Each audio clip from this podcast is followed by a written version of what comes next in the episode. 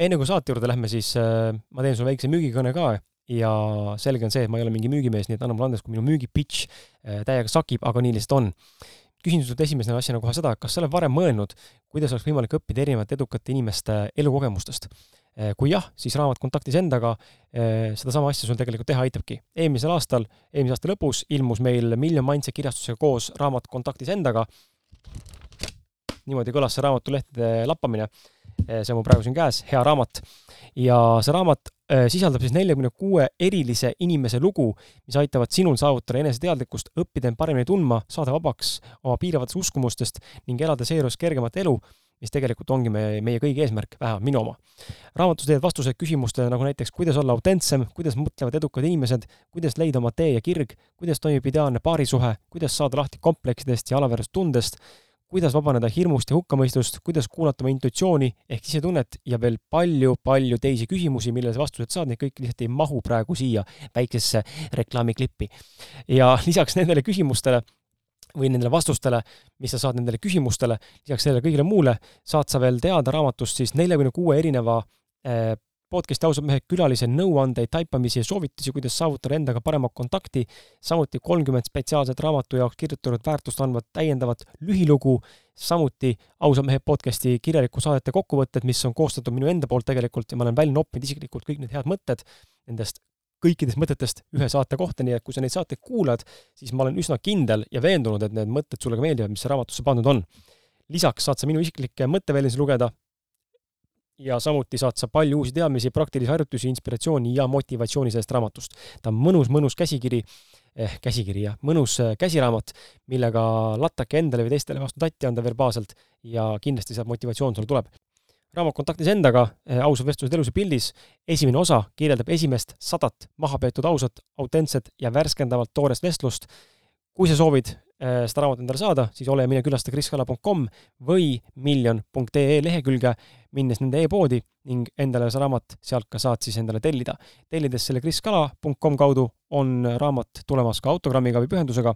raamatu hinnaks on seitseteist, seitseteist üheksakümmend viis eurot ja sellega on äh, meie reklaam läbi lisaks raamatule soovin ma juhtida sinu tähelepanu ettevõttele Loodusvägi, millest on iga eestlane tänaseks kuulnud ja ilmselt ka selle brändiga varasemalt kokku puutunud loodusvägi sai alguse kaks tuhat kaheksa aastal äh, kahe koolivenna Ahto Veegmanni ja Kristjan Õunamägi ühisest äratundmisest, et nad soovivad teha midagi muud kui seni. Nad soovisid teha midagi, mis annaks rohkem tagasi ning väärtustaks puhta looduse poolt pakutut. puhas terviktoit on tervise alus, mis tagab meie organismile funktsioon-, funktsioneerimiseks vajalikud toitained ja mikroelemendid ja just seetõttu loodusveetoodete seast leiadki endale mahedalt kasvatatud, maitsvad, kvaliteetsed ja loomulikud toidud e-poest on võimalik leida erinevaid kuivaineid, maitseaineid, õlisid, magustajaid, snäkke, maiustusi ja jooke. ja miks ma seda mainin, sellepärast et podcast'i ausad mehed Facebooki lehel on käimas loos, kus annan äh, koostöös Loodusväega ära kaheksa kasti rabajõhvika maitselist glögi, nii et äh, kui oled suur glögifänn ja meeldib äh, raba ja jõhvikas, siis tule võtta osa, sest loosuni kestab mai lõpuni. ja egas midagi, aitäh sulle ja mõnusat kuulamist!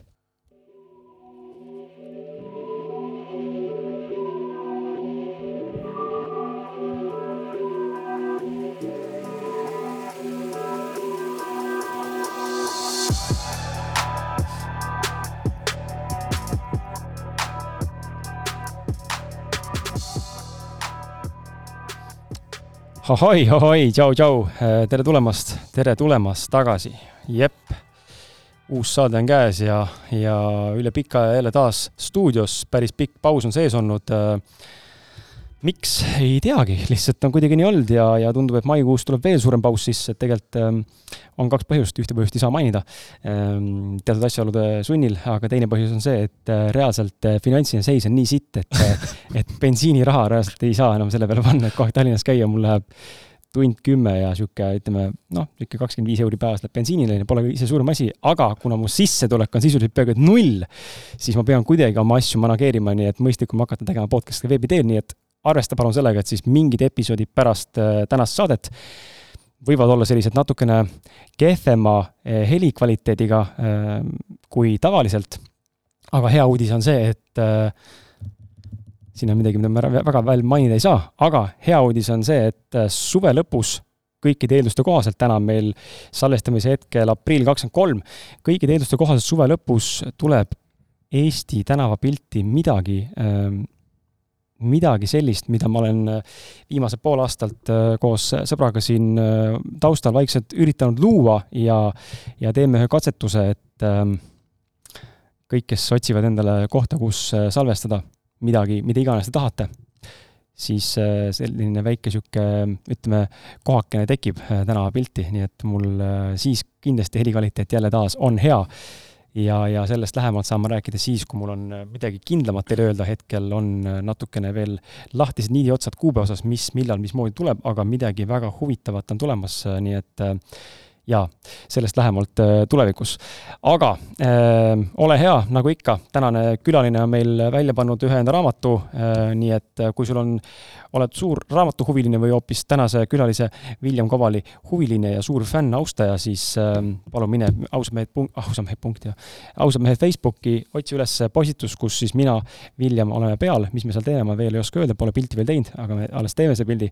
et äh, oleme seal peal ja jaga seda enda, seda postitust siis enda seinal, sest et äh, jagamine annab sulle siis võimaluse osaleda loosimises ja jälgi kuupäevasid ka, sest et kui juhuslikult kuupäev on möödas juba, siis jagada võid ikka, aga auhind on kellelgi juba läinud.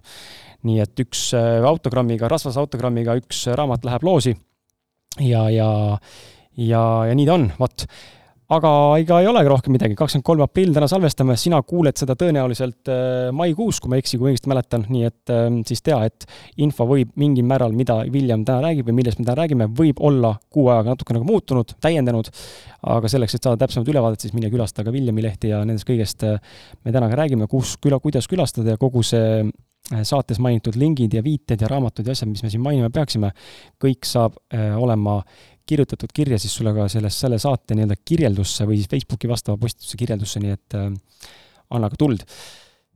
mina loen ette sissejuhatuse ja juba siis äh, saab William sõna äh,. William Koval kannab motivatsioonikõneleja silti.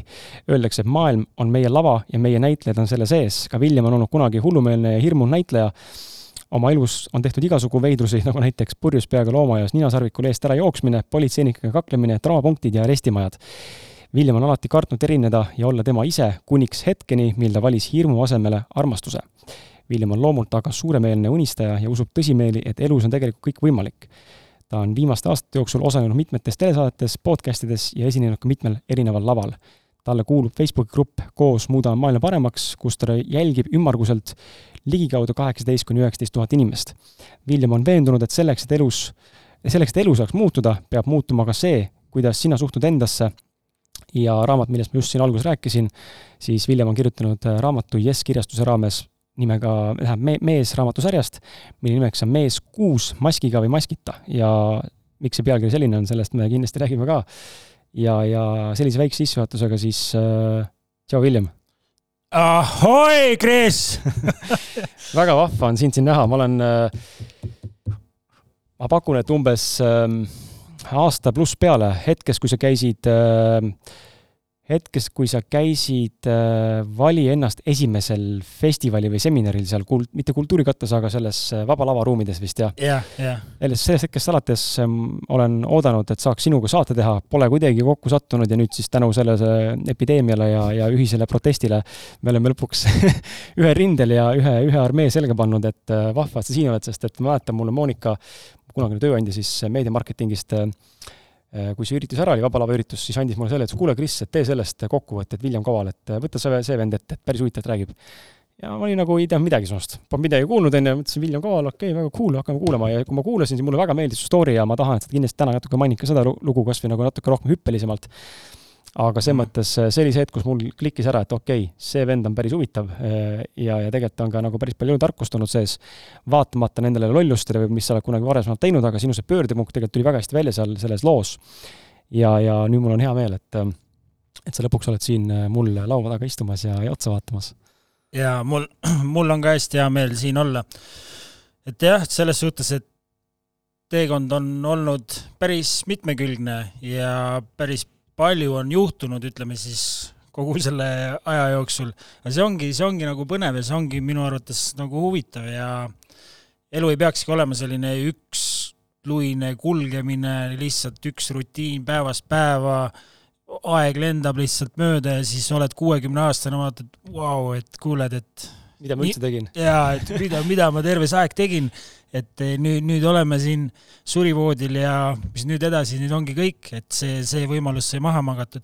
et kui inimene nii-öelda teadvustaks endale juba varem, et meil ei ole nagu mitte midagi tegelikult kaotada, et kaotada ei ole, me, me kõik oleme siin elus nii-öelda selles kehastuses mingi periood ja siis lähme parematele jahimaadele. ja kui see, sel, see nagu nii-öelda läbi hammustada, et, et see kõik on põhimõtteliselt uni, jah, uni, vaata, kui sa magad öösel ja näed, näed mingit unenägu, vahet ei ole, kas on hea või halb ja siis ärkad öösel üles ja uh, see oli uni, vaata mm, -hmm. et ole, oleks ma seda teadnud, et see oli uni, ma oleks absoluutselt teistmoodi elanud, vaata, mul, mida ma põdesin seal, vaata. ja kui sa nüüd sellel hetkel jagad sellesama asja välja, et kuule, see ongi päriselt nii-öelda see, ta küll tundub jah, sellel unel või reaalsusel on oma, oma noh, sellel igal illusioonil on oma reaalsus jah, ta mm -hmm. tundub füüsiline ja kõik on selles suhtes ja et hirmus palju on kogu aeg kaotada ja mis ma ütlen ja mis nad arvavad must ja ütlen, mina, mina, ma tean seda, et kui mina ühel päeval ärkan nii-öelda sellest, sellest maatriksist ja,? jah, jah, et eh, kui see, see lugu ükskord läbi saab, siis ma saan nagu uh, jumal tänatud, et ma hammustasin selle juba selle unenäo ajal läbi, et see oli unenägu ja ma sain elada siis ilma selliste hirmudeta, mida, mis nagu nii-öelda paljusid inimesi tagasi hoiab no. mm. -hmm. et see on jah, see näiteks üks on siis see sotsiaalne mm -hmm. heakskiit, mida me kõik taga ajame. ja ma arvan, et see sotsiaalne heakskiit ja vaata, see läheb ka, ma arvan, kokku selle kuuluvustundega, me tahame kuskile kuuluda, on ju, juba, ma arvan, et see meie primaarselt kuidagi kaasa nagu sündinud või olemuselt, ma ei tea, biogeneetiliselt kuidagi meie sees olemas, et me tahame ühtekuuluvustunnet ja ja seal see karjast nii-öelda või ühiskonnast välja heitmine või, või siis mm. sinu suunas see viha tuleb või hukkamõist, et see on nii hirmus lihtsalt, et appi, appi, ma olen üksi, on ju, ja tegelikult neid on veel, kes sinuga sarnaselt mõtlevad ja, ja tegelikult sellega on ka see, et noh, see mulle tundub kohati, et see, me tahame nagu selle enamusega suhelda või enamusega kokku kuuluda, aga tegelikult seda enamust ei koti üldse, mida me teeme. ja, ja, ja nagunii me lõpuks taandume, elu lõpus me ikkagi näeme seda, et meil on käputäis sõpru võrreldes äh, pubekaeas, kus on sul tuhat tuttavat, on ju, et no, täpselt. see muutub nagunii. ma arvan, et see tuleb äh, kusagilt sealt, kui me olime kusagil ürgajal, kütid ja mhm. korilased, et see tuleb kusagilt sealtmaalt, et kui sind seal nii-öelda välja heideti, siis see tähendas surma, surma sinu jaoks. jaa, aga see, aga tänapäeval see ei tähenda enam surma, kui, kui kõik inimesed sinuga ei nõustu. ja sellel ei ole nagu midagi, selles ei ole midagi halba, et soovida kusagile kuuluda, see on, see on, see on loomulik, et me kõik tahame nii-öelda kuuluda, aga et kas see läheb meie nii-öelda eetiliste äh, küsimustega nii-öelda vastuollu või see moraal, moraalitunnetusega vastuollu, et äkki me tahame üldse kuuluda inimeste sekka, kelle juurde me pole mõeldud kuuluma nii-öelda mm. -hmm. aga niipea, kui me hakkame väljendama siis julgelt oma originaalsust või sellist, kes me nagu nii-öelda sisimas tegelikult oleme, siis tulevad õiged inimesed su ellu nagu kes, kes on sinuga täpselt samal lainel, nad, nad mõtlevad samamoodi, nende väärtushinnangud on samad ja see, see on nagu nii-öelda palju, palju positiivsem, kui soovida siis kõikidele meeldida, ma ütlen, kõik, kõikidele meeldimine, see, oh, see, see nii mõtet, nii mõttetu üritus nagu, kui ma tahan kõikidele meeldida, siis esimene asi, mis ma teeks, püüaks käituda nii normaalselt kui võimalik, et mitte, mitte jumala eest ma ei teeks midagi erilist oma eluga, et kellelegi võib see nii-öelda vastu, vastu hakata käima. Vigu ei tohi teha, on ju, arvamust tohi avaldada. ei, ei, mis, mis, sellepärast ka võib-olla seal äh, Riigikogus seal sada üks inimest, ma ei tea, mingi protsent neist paneb alati vaata, et ma ei vasta või ma olen erapooletu, erapooletu, jumala eest. kardavad. jaa, et ma kellegi tülli ei läheks väga huvitav. Äh, lähme, lähme sinu selle tausta juurde, et äh, räägi natuke meie kuulajatele ka, et minu, ma ei tea, kui paljud podcast'i ausalt meie kuulajad on kursis, kes sa oled, ma eeldan, et tegelikult päris paljud sind ikkagi teavad või nime on kuulnud varasemalt kas üks-kaks korda, on ju, või yeah. tänasel ajastul nagu nüüd tänu sellele ütleme siis sellele eskaleerunud NETS kogu seaduse eelnõu muude asjadele, et seda võib-olla ka rohkem tänu sellele mm. ja tänu raamatule kindlasti rohkem, aga siiski on inimesi, kes võib-olla sinust mõni pole kuulnud, seega räägi, räägi, mis mees sa oled, millega oled kokku puutunud oma elus varasemalt, millist elu elasid enne seda, kui sinust sai vähe teadlikum mees ja, ja ja millal toimus muutus või mis, mis, räägi seda, seda lugu nagu, kuidas, kuidas see nagu siis muutus? okei okay., no põhimõtteliselt ma olen eluaeg elanud nagu, kuidas ma ütlen, nipernaadi või? jah, et mul, ma ei, ma ei, samamoodi otsisid oma kohta alates juba noorest lapsepõlvest nii-öelda, kuhu, kuhu kuuluda ja aga see lihtsalt see, kuidas ma nii-öelda enda suhtes häälestatud olin või mida ma arvasin nii-öelda endast või mida ma arvasin, et ma väärt olen, siis see hakkas mulle nii-öelda kaikaid kodaratesse loopima ja moto oli, et elan üks päev korraga ja vaatan, mis hom-, homne päev siis nii-öelda toob. ja enam, enamus elust põhimõtteliselt purjus olnud, ütleme nii, et hiljem, hiljem hakkasid siis tulema ka narkootikumid ja asjad ja siis hakkasid nii-öelda asjad päris käest minema ja ma jäin nagu põhimõtteliselt kõigest hakkasin ilma jääma, et ma langesin nagu nii-öelda sügavasse, väga sügavasse depressiooni.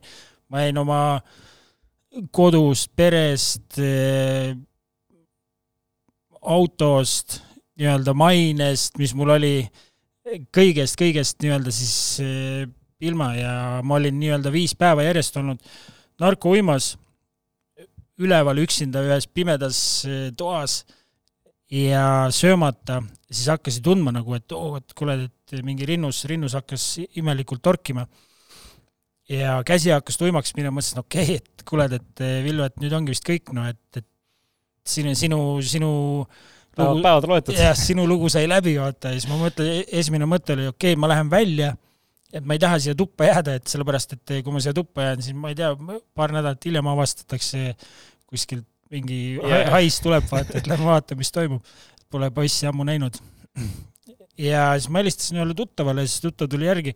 aga see pani nagu mind sügavamalt mõtlema selle, kuule, et mis, mis, mis minuga nagu noh, et see oli, see ma õnneks ma pääsesin nii-öelda ehmatusega, et see oli võib-olla mingi paanikahoog või midagi sellist. ja siis, kui ma hiljem nagu mõtlema hakkasin, et kuule, et see olekski võinud praegu kõik olla nagu, et, et mis, mis minust saanud oleks või kes ma üldse olen, vaata ja miks, miks, miks, oot, oot, et miks ma teen neid asju, miks ma kuulan seda muusikat kogu aeg ja miks mul on nagu, miks, miks ma nä iga nädalavahetus teen samu asju, räägin samu teemasid samu inimestega, käin samades kohtades, et eh, kõik on nagu repeat'i peal mm. -hmm. ja siis hakkasin nagu rohkem aega omaette veetma, rohkem nagu selliseid eneseteadlikumaks ennast muutuma ja lugema ja nii, nii ta hakkas ja siis üks hetk käis selline, seda on isegi keeruline kirjeldada, selline et ma sain aru nii-öelda, et kaks reaalsust domineerib nagu, kaks reaalsust käib samal ajal kogu aeg. ja mina olin kogu aeg, aga varem lihtsalt ei, ei, ma ei näinud seda teist reaalsust ja tei-, see teine reaalsus oli absoluutselt nii-öelda teist, teistmoodi. põhimõtteliselt nagu võtame inimesed, kes on Põhja-Koreas elavad, jah mm. -hmm. Nad, nad teavad, teavad ainult, et see Kim Jong-un on jumal, Põhja-Korea on kõige, maailma kõige parem riik, Ameerika on surmavaenlased ja kõik, neil on kõik nii-öelda ette ära öeldud, neil pole õrna aimugi põhimõtteliselt, et väljaspool on nagu väga-väga teistsugune maailm, jah, ja siis, kui mul see nii-öelda ärkamine toimus, siis ma saingi aru, et kuule, et siin on teistsugune maailm veel nii-öelda, kus, kus ma saan nagu ise siis luua seda, mida ma soovin luua ja mu sagedus tõusis nii kõrgele, nüüd hakkas kõikuma meeletult ka nagu emotsioonid hakkasid mm -hmm. kõikuma. aga lõpp, aga see oli nagu nii ilus ja siis peale seda siis ma lasin lahti sellest, kes ma tege-, kes ma nagu sinnamaani olin olnud ja nii-öelda kui meie sisemine, see, kes me sees oleme, ära muutub, siis hakkab kõik muutuma, jah, paljud inimesed vaatavad, et sa oled võltslane, sa oh,, et sa, sa ei ole, sa, tähendab, ma tean küll, kes sa oled, ma, sa olid selline, sa olid selline, nad hakkavad meenutama sulle, milline, milline sa minevikus olid ja arvavad, et sa teeskled. aga tegelikult ka, see, see muutus käib ära, kõik kus kohas sa käid, kus kohas sa, mis, mida sa tegid oma ajaga, mis mõtted sul peas käisid, kellega sa aega veetsid, nii-öelda kõik, kõik muutub, kogu keskkond ja siis see üks, üks moment oli, et kus ma nagu tundsin, et noh, praegusel hetkel toimub seda väga paljudega. et, et minuga toimus see võib-olla mingi viis aastat tagasi, et mul on olnud nagu aega kohaneda sellega, aga praegu see, mis praegu maailmas toimub, see käivitab päris palju. jaa, jaa, täpselt sama reaktsiooni ja siin ma tahakski öelda kuulajatele, kuulajatele, et see võib tunduda, et te hakkate hulluks minema, mina arvasin ka, et ma hakkan hulluks minema. kõik mu sõbrad arvasid, et ma läksin hulluks. aga see ei ole, sa lihtsalt, sa lihtsalt hakkad ärkama nii-öelda. see on huvitav jah, et äh, mulle tundub ka, kui, kui me, vaata, me võtame nagu mm,? teadmatust ja, ja ütleme sellist uut ähm, tundmatut võetakse kui negatiivset pigem tavaliselt. Yeah.. ja isegi samamoodi mingites valdkondades tunnen nagu, et okei okay,, et ma nagu ei tea nagu, mis seal saama hakkab sellega või, või mis minuga seal saab, siis pigem on natuke nagu niisugune nagu hoiak, et nagu mm, kas nagu saab usaldada.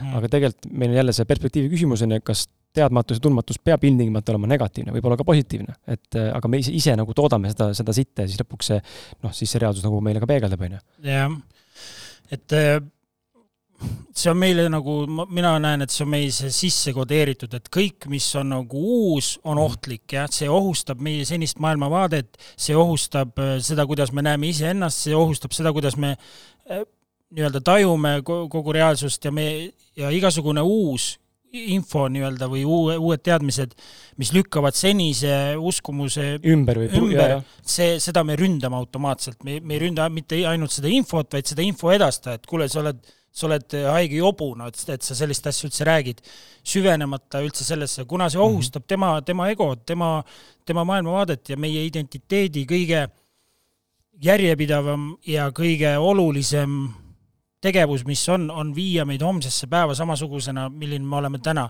ja kõik, mis nagu hakkab ohustama seda eh, tuleb likvideerida. jah, jah.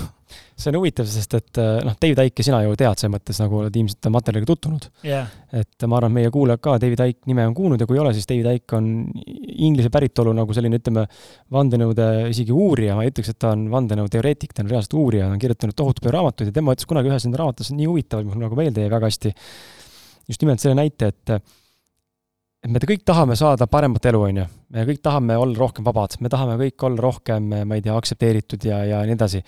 Ja nüüd, kui keegi tuleb, pakub sulle seda võimalust ja kuna see on, see on praegusele sinu olukorrale nii vastuoluline, ehk siis ta purustab nii palju ahelaid või mhm. muskusmustreid, siis see inimene ollakse võimeline nagu ära tapma, et seda ei juhtuks. ehk siis me ise hoiame ennast tegelikult kinni, me tahame ühtepidi saada, mhm. on ju, et astud üks samm edasi ja ikkagi kaks tagasi, et see nagu ei lähe, on ju, et see on nagu nii huvitav, et see on hea, et sa seda mainid, sest see on nii huvitav, sest et see läbib erinevates valdkondades ka, kuidas me tahame seda fucking muutust, aga kui keegi tuleb meile kuldkandikul, et muutus on siin ja võta see, integreeri endasse, siis sa ei taha seda. see on nagu nii hämmastav, et eh, miks me niisugused oleme, aga no ju siis see meie mingisugune in, in, inne, inner nagu innate mingisugune olemus, et eh, lihtsalt paratamatu osa in, inimeseks olemisest. ja no mida ma soovitan või julgeks soovitada inimestele veel, et avatud mõttemaailm nagu reaalselt õppida õppida, õppida seda, mida see tähendab olla avatud nagu, et eh, sellest on, internetist leiab, ma arvan, usun, et tasuta loenguid ja asju, et, et see, see on, see on, sa ei arene edasi, kui sa oled suletud mõttemaailmaga ja enamus inimesed ongi suletud mõttemaailmaga ja nad on jäänud kusagilt lapsepõlvest juba suletuks mm. -hmm. see tähendab seda, et enamus inimesed on hea, kui nad on puberteedieani äh, vaimselt edasi arenenud Nad on, nad, nad ongi reaalselt lapsed ja nendega tulebki reaal-, rääkida nagu lastega, kuna neid juhivad igasugused emotsioonid ja need, need käitumismustrid, kõik on sealt lapsepõlvest jäänud. aga kui see, kui me ennast nüüd avame, siis me avame endale enda jaoks täiesti uue maailma, nii, me oleme võimelised õppima, me oleme võimelised arenema ja, ja siis nii-öelda tagasi jälle korraks minu loo juurde tulla, siis mis juhtuski, et ma avasin ennast ja ma hakkasin nagu uut infot endasse, mis, mis reaalselt muutsid ka minu nii-öelda siis käitumist.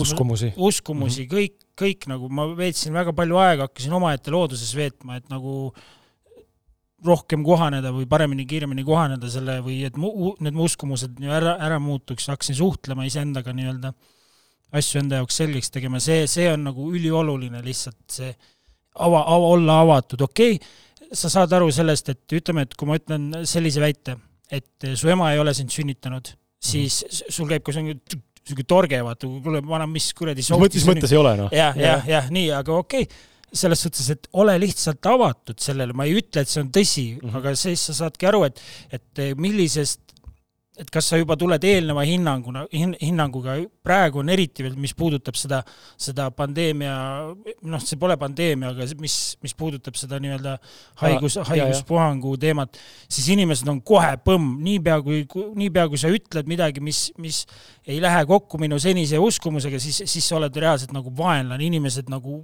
noh, nad südames soovivad, et see oleks nii, nii hull, kui nad räägivad, et see on, noh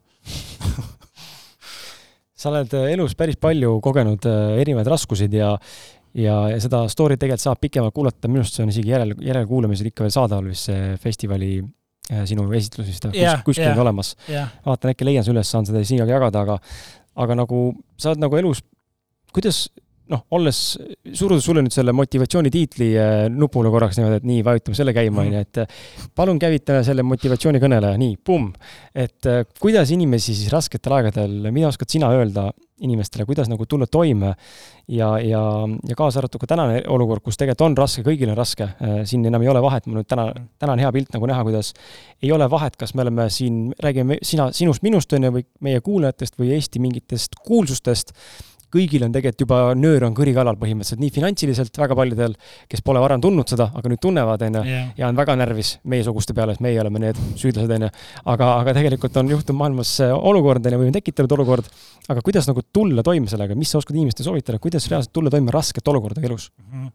okei okay,, see, ma, ma alustuseks räägin, see motivatsioonikõneleja ja siis, kui ma seda Facebooki lehte tegin, siis ma lihtsalt vaatasin noh, seal ei olnud tegelikult sel-, ma ei tahtnud üldse nagu mingit silti, silti panna mm. -hmm. aga pidi valima midagi? pidi, pidi midagi valima, vaatasin, mis see kõige lähem, lähemal on nagu sellele, siis lihtsalt sai see pandud, et jah. sealt on see pärit siis, okei okay., mõtlesin, sa oled kuskil see sildi saanud, et sa oled no motivatsioonikõneleja, et nagu okei okay,, noh, aga no ikkagi sinu lood ja videod on üsnagi positiivsed selles mõttes, positiivse vibe'iga. ei noh, selles suhtes esimese asjana, mida, mida, kuidas tulla nagu raskete olukordadega toime on see, et eh, lu-, lubada endal tunda, jah, et kõi-, me tahame nagu, et see hetkeolukord oleks midagi muud, kui ta on ja me elame eituses ja niipea, kui me hakkame eitama seda, mis juhtus või toimub, siis me hakkame kannatama. et kui ma aktsepteerin, see, see ei tähenda nüüd seda, et et mulle peab see meeldima. või pean leppima sellega. et kõik, kõik kannatused, kui sa, kui sa üldse ühe asja täna siit eh, selgeks saad, siis on see, et kõik meie kannatused tekivad sellest, et eh, me, me elame eituses, et me ei soovi, et see antud olukord oleks selline, nagu ta on ja me, me ei aktsepteeri seda ja sellepärast me hakkame kannatama. kõik, kõik probleemid, mis sul elus on, sa ei saa õnnelikuks, ükski asi ei tee sind elus õnnelikuks, mis väljaspoolt tuleb, vaid ainult see, kas sa ütled ei või jah nendele asjadele või olukordadele. Ain-, ainult see ja see, see on, seda on muidugi lihtsam öelda, kui noh, nii-öelda ise elada. ma toon, ma toon võib-olla teistsuguse näite, et on olemas kaks reaalsust, üks on nii-öelda tegelik reaalsus, kuidas asjad on mm, -hmm. ja teine reaalsus on, kuidas asub meie peas, nii. ja kui need kaks omavahel ei kattu, siis me hakkame kannatama, kui need kaks on erinevad, siis me hakkame kannatama. kui, kui ma kõnnin tänava peal ja auto pritsib mind märjaks, nii tegelik reaalsus on see, et ma sain märjaks, auto pritsis mind märjaks, jah, nii, aga minu peas ma ei peaks olema märg, ma ei taha olla märg, minu peas ma olen kuiv. jah, ja kui ma hakkan nüüd endaga sõdima, ma lähen konflikti, ma olen eituses, ma ei taha, et see oleks nii, kui ta päriselt on. ja sellepärast ma kannatan. aga niipea, kui ma, okei okay,, näed, okei okay,, ma aktsepteerin, jah, ma sain märjaks, midagi, no ei ole midagi teha, lihtsalt sain märjaks. noh, läks nii. ja niipea, kui ma läksin jaotusesse need reaalsused äh, hakkasid kattuma omavahel ja ma saan oma eluga siis märjana edasi minna. Sa tõid, tõid praegu näite välise maailm, et sise, sisemise maailma, ütleme siis äh, korras, mitte korrastamisega, aga ühtima panemisel välismaailmaga, aga kas on ka vastupidine näide äkki sul tuua, et äh, noh, et, et, et sul on sisemaailmas midagi väga konkreetselt paigas ja nüüd väliselt tuleb mingi muu ja nüüd väliselt toimub see aktsepteerimine või ikkagi see ongi niimoodi, et kui, et sa pead ennast suutma sisemaailma siis selle mm -hmm. välismaailmaga eh, nii-öelda panna nagu toimima või...? tähendab, äh, siin ongi, kui me võtame seda nagu jalgpallimäng, jah mm, -hmm. ük-, esimene, tähendab poolaeg on äh, null-üks, mina kaotan, sina juhid, nii, aga mäng läheb edasi, lihtsalt see on hetkeseis on selline, et hetkeseis, et ma saavutaksin üldse hingerahu, jah, see meelerahu on nagu kõige-kõige väärtuslikum vara üldse siin maailmas, jah, ja kui ma, ja meie, meie siis paneme oma õnnele nagu nii palju tingimusi, ei, mul peab telefoni aku täis olema, esiteks mul peab üldse telefon olema, mul peab kõige kallim telefon olema, mul peab telefoni aku täis olema, mul peab pangaarve sada tuhat olema, mu tervisega peab kõik korras olema, mu laste tervisega peab kõik korras olema, mul peab olema hea haridus, mul Mo- peab mo- olema modellivoodis. uhke auto ja jesus christ ja siis tuleb mingi tuhat üks, tuhat üks tingimust sellele, et mm. -hmm. et ma saaksin kunagi meele ja siis, siis kui ma need kõik asjad saan, siis ma hakkan muretsema selle pärast, et ma midagi, telefoni aku võib tühjaks saada või Ja, midagi sellist, noh, et, et eh, see on nagu lõputu trill-trall, noh. et eh, point on selles, et, et eh, et edasi saab minna teistmoodi, sa saad teha teisi valikuid, jah, aga lihtsalt hetkeseis on selline, hetkeseis on selline, et, et ma ei tea, kas ma vastasin see, su küsimusele. Osaliselt. Osaliselt. jaa, osaliselt, osaliselt, ei, ma saan su, ma saan su mõttest aru. Et selles mõttes ma saan su mõttest aru ja ma olen ise ka neid näiteid äh, noh, neid kogem-, kogemusi, ma arvan, me kõik oleme, kaasa arvatud meie kuulajad, kes siin praegu kuulavad seda, et äh, kõik on kogenud seda, kuidas äh, vahel lihtsalt see väline reaalsus on üks, sisemaailm on teine ja nüüd on see küsimus, kuidas ma suudan sellele kohaneda, on ju. et just nimelt see aktsepteerimise osa on nagu minu arust hästi hea, et sa selle välja tõid, sest et sellest räägitakse palju, aga sa tõid minu arust natuke nagu parema või nagu minu, minu jaoks vähemalt natuke selgi, selgineva ähm, mõiste sellele aktsepteerimisele, kuidas see päriselt nagu käib sest et tuh- tihti see jäetakse õhku nagu, et aks-, aktsepteerivad, mida vittu ma aktsepteerin, kui siin perses on, noh et siis sa tõid nagu hea näite, noh et või, või võtame näiteks malemängu, me mängime malet, onju, ja sina, sina teed mingi käigu, mis paneb äh, mind sellisesse tobedasse olukorda mm. -hmm. nii, ma võin, ma võin siin nutta, ma võin vihastada, ma võin karjuda, ma võin siin laamendada. Ma kaotan niimoodi selle mängu. nii, seis on selline, tuli selline ootamatu käik, millega ma ei arvestanud, nii, okei okay,, niipea kui ma aktsepteerin, näe, seis on hetkel selline, aga kõik pole veel öeldud, mäng läheb edasi, mäng läheb edasi ja nüüd ma vaatan, ma saan teha ükskõik mis valiku, mis ma arvan, et eh, toob mind lähemale võidule. ehk siis seda võib, võib sinu nagu seda näidet või mõlemat näidet võib, võib tuua ka selles mõttes, võib võtta ka ähm, justkui nagu hetkes peatum- või peatamise või peatumise seisundina, kus sa siis korraks vaatled seda olukorda ja annad sellele uue nagu tähenduse või hinnangu mm. ja lähed Jah, edasi. jah, teed pausi, stopp, nii Jah. on, mitte ma eitan, onju, ma ei ole märg, ma ei ole ise tilgud, onju. okei, aga äh, sa, sa mainisid, ma lugesin seda raamatut ja ma pean seda raamatut kiitma, esiteks siin on, äh, kuulajal ei ole näha, aga mine guugelda kõrvale. võta Mees kuus, William Koval, ma arvan, sul tuleb kaane foto, kus William on siis äh, profiilipildis, ütleme siit labast alates ja, ja, ja riides. Riides seisab siin mantliga ja mask on käes ja sihib maskile kahe näpuga pähe justkui relvana, ma eeldan, selleni, see küsimus kusjuures tuli ühe kuulaja poolt ka, milleni me jõuame ka. et äh, väga äge näeb välja see raamat, kuidagi hästi, hästi, esiteks see värv on midagi, mida ma ei osanud oodata. Kui ma enne nägin seda sini-, tumesinist ja niisugust sinakat värvi, vaatasin, et opa, kuidagi päris huvitav nagu lahendus või nagu leidlik viis, et ja siis see pilt on ju ja kogu see pealkiri maskiga või maskita ja raamatu sisu tegelikult ka, et ma ei ole läbi lõpuni lugenud alguses lugesin päris intensiivselt järjest ja siis ma hakkasin ajahädas, hakkasin pigem nagu hüppama, aga ma võtan ta kindlasti uuesti ette, loen ta uuesti läbi sealt, kus pool jäi. aga mulle väga meeldis esimesed sada viiskümmend, sada kuuskümmend lehte, mis ma järjest lugesin. just nagu sellepärast, et see on esiteks väga, tähendab, ma ei, korragi ei kahelnud selles, et sa ei oska kirjutada või ei oska enda mõtteid siis paberile panna aga ta on fantastiliselt lihtsasti kirjutatud mm. -hmm. ma ei tea, kas see on eraldi oskus, mida tuleb arendada või selleks on Jesper, kes su kõrval ütles sulle, et William, see lause on liiga keeruline. et ma ei tea, kuidas see protsess käib, aga ma ise näen, et ma teen tihtipeale ise kirjanikuna ka liiga pikkasi ja keerulisi lauseid, minul ei ole seda oskust anda nagu edasi nagu nii lihtsasti lihtlausetega. aga ma näen, et see on see, mis paneb nagu palju rohkem nagu lugema ja teda on lihtsam tarbida. kui sul on pikad nagu lõigud, mis võib-olla on ka head, aga sa ei suuda nagu seda noh, et lause lõppu siis lause algust ei mäleta enam, on ju, et nagu what the fuck lugesin just. et sinu puhul on hästi, väga hästi kirjutatud raamat. selline jah, selline seitsmenda klassi tasemel, et tuleb et tuleb, ei, selles suhtes, et Jesper, Jesper ja tema meeskond tegid nii-öelda hästi-hästi head tööd, et mul et ma läksin sinna või nii-öelda ühe tooriku sain, sain siis valmis kirjutatud, aga need kõik, kõik, kes selle teksti kallal, toimetajad ja Jesper ja kõik, kes nii-öelda nõu andsid ja et, et see, see, see ei ole nii-öelda ainult minu, minu töö, vaid mm -hmm. see on nagu meeskonnatöö.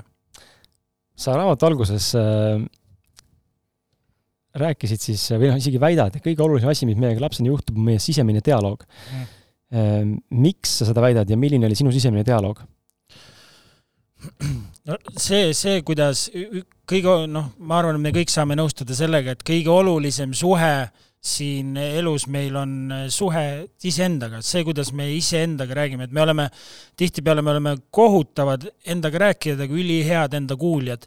et ja see, see, kuidas me siis nii-öelda endaga räägime, hakkab määrama ära seda, millises tujus me oleme või kuidas me olukorda näeme ja see, millises tujus me oleme, ehk siis millises sageduses, sagedusel hakkab siis tooma meile neid situatsioone, neid olukordi ellu vastavalt siis sellele tujule. Ja kui me räägime endaga ülikehvasti ja näeme reaalsust, et kõik on, kõik on persses kogu aeg ja me, me oleme saamatud ja me oleme mõttetud, nagu mina, mina seda kunagi tegin, siis nii hakkabki olema, kõik, kõik, mida me ütleme, nii hakkabki olema, me loome iseennast sellega, kuidas me nii-öelda alateadlikult või teadlikult endaga räägime. Ja tihtipeale toimubki see suhtlus siis nii-öelda programmina, see tuleb juba nagu noh, et me ei panegi seda dialoogi endal peas tähele ja nii-öelda piiravad uskumused, siis tekivad sealt need lood ja neid piiravaid uskumusi, mis meid elus nii-öelda tagasi hoiab, neid, neid on lihtsalt nii palju, neid on nii, nii, nii palju, et inimesed, neid on, neid, neid võib tuhandetesse minna lihtsalt. et neid, kui neid piiravaid uskumusi, siis ehk siis neid, seda, mida me reaalsusest või iseendast räägime, muutma hakata, siis hakkab kogu, kogu reaalsus meie ümber muutuma, et, et see on nagu, mina paneks nagu sise, sisemine dialoog, see, kuidas me endaga räägime, võrdusmärgi vahele sellele, et millist, millist, kui kvaliteetset elu me elame mm. -hmm. et võt-, võta nüüd näiteks inimene, kes on, ütleme, ütleme, et ma, ma ei taha nagu öelda kellegi kohta halvasti ja ma ei ütlegi, ma lihtsalt toon nagu näitena, et paremini aru saada oleks. kui me võtame, ütleme, süstiv narkomaan, kes ei käi tööl, ütleme, käib vargil, äh, ta ela, ta, ta ei ela, tal on kodutu, nii, või võtame tippsportlane, kes, kes teeb trenni, ta saab kuldmedaleid, tal on maja, tal on auto, tal on kõik elus paigas, tal on kõik. Nii. Nüüd need kaks sisemist dialoogi on nagu väga kardinaalselt mm -hmm. erinevad, jah, aga seesama narkomaan saab oma dialoogi hakata muutma selliseks, nagu teeb seda siis nii-öelda tippsportlane. ja kui niipea, kui ta ei pea muutma oma väliseid tingimusi, vaid seda, kuidas ta iseennast näeb, noh. ja see kehaline kogemus siis, see, reaalselt see kehaline kogemus muutub.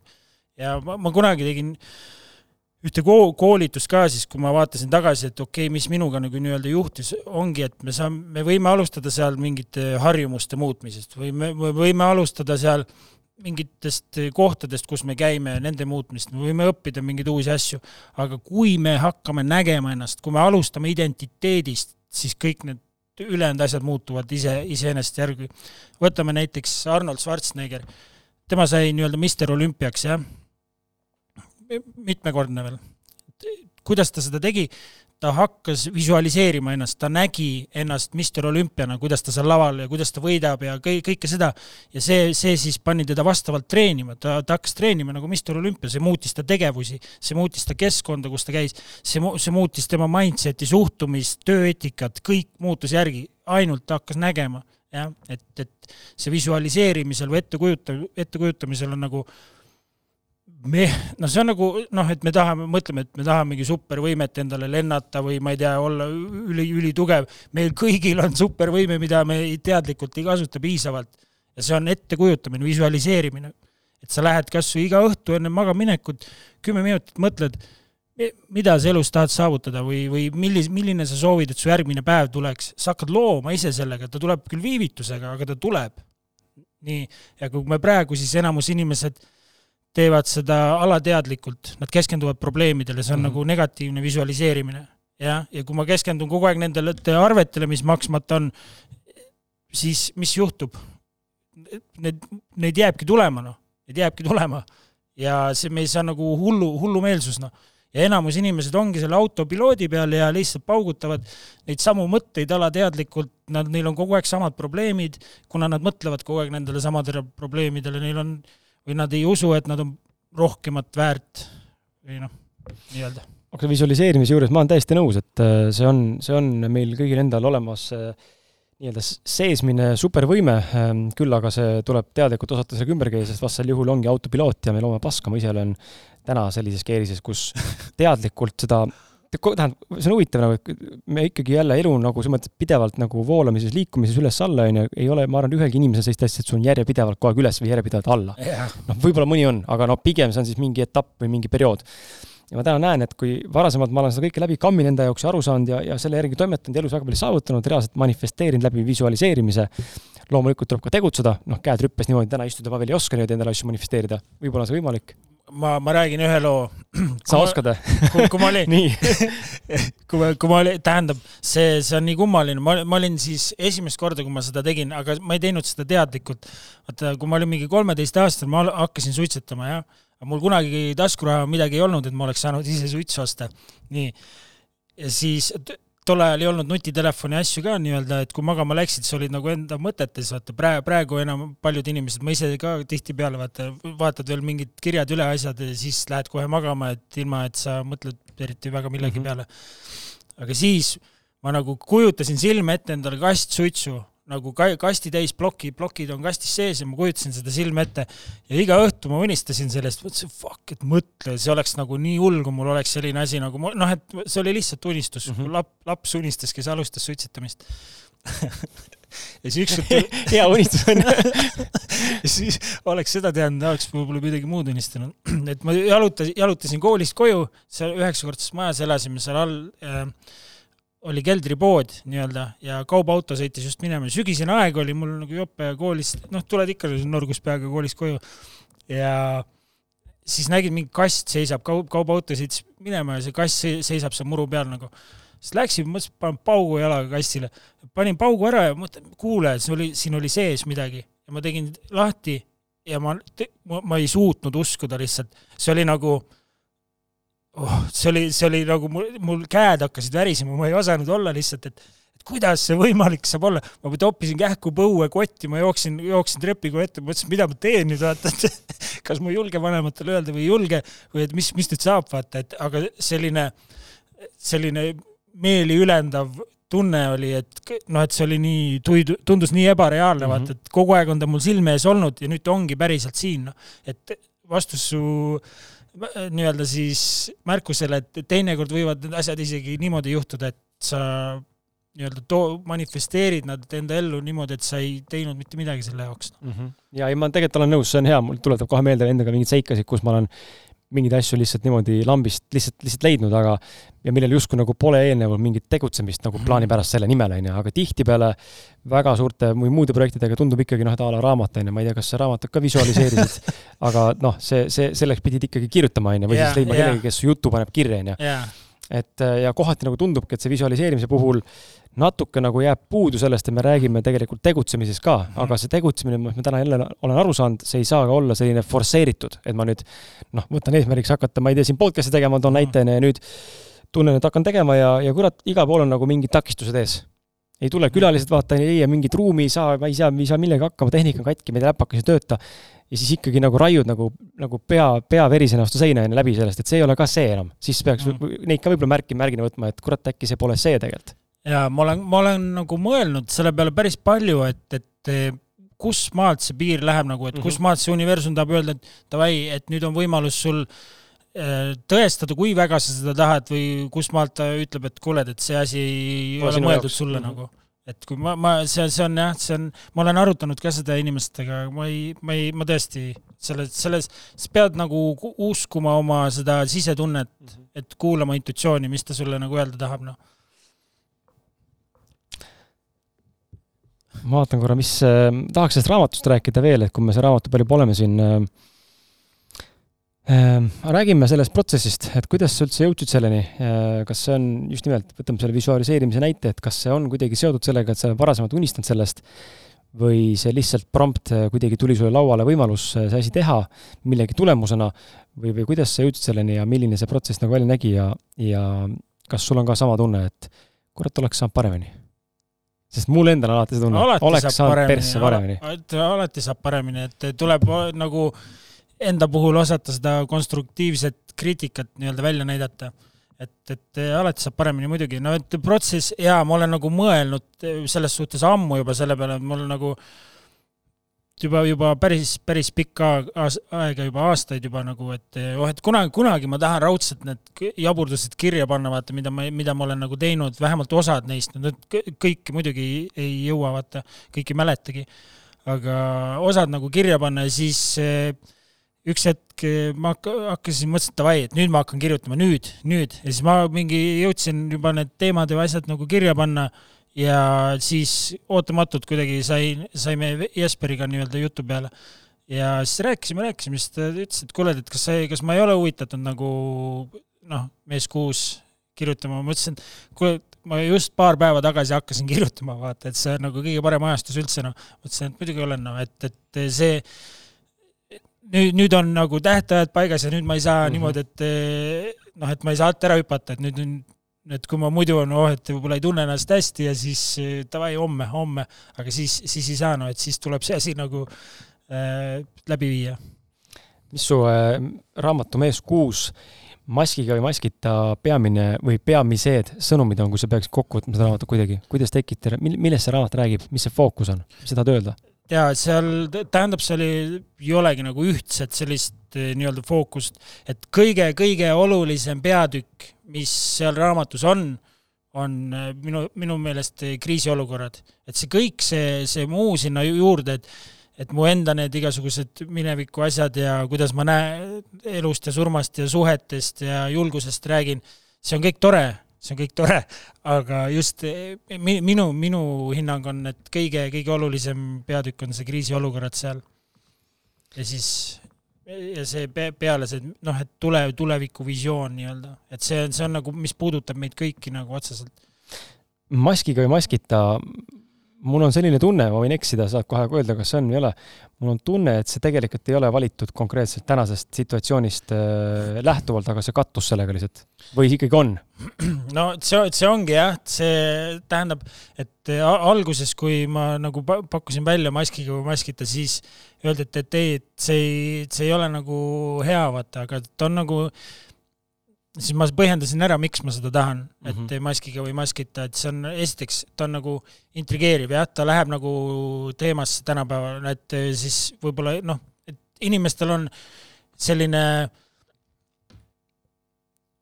kuidas ma ütlen, inimestel on ankurdatud emotsioon sõna mask külge, jah, et vahet ei ole, no tihtipeale on see küllaltki negatiivne praegu, aga see ei olegi nagu point.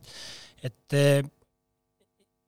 ja teine asi siis, et see maskiga või maskita, see, kui, kui ma ise nii-öelda ühel hetkel, vaata, püüdsid kõikidele nii-öelda meele järgi olla ja püüdsid mm, -hmm. et kõik oleks ilus ja tore kogu aeg, mis ei õnnestunud kunagi küll, aga sa nagu hakkasid enda, enda nägema. jah -hmm., enda isikuomadusi nagu alla neelama ja kõike, aga siis ühel hetkel okei okay,, davai, ma, ma, ma, ma enam ei, ma enam ei taha karta lihtsalt, ma ei, ma ei taha karta, no miks ma perse, no miks ma kardan kogu aeg, miks ma nagu muretsen, mida, mida must äh, mõeldakse kogu aeg või mik-, miks ma ei taha nagu karta nagu. Ja siis, et ma, ma ise soovin südamest kõikidele inimestele head ja mul ei ole, mu südametunnistus on selle koha pealt puhas, et, et ma, mina, mina saan minna rahulikult magama ja ma, ma tean, et, et äh, ma olen nii-öelda, et me oleme kõik üks ja et kui ma soovin kellelegi halba, et siis ma soovin tegelikult iseendale halba. Ja sellega, sellega ma tean, et mina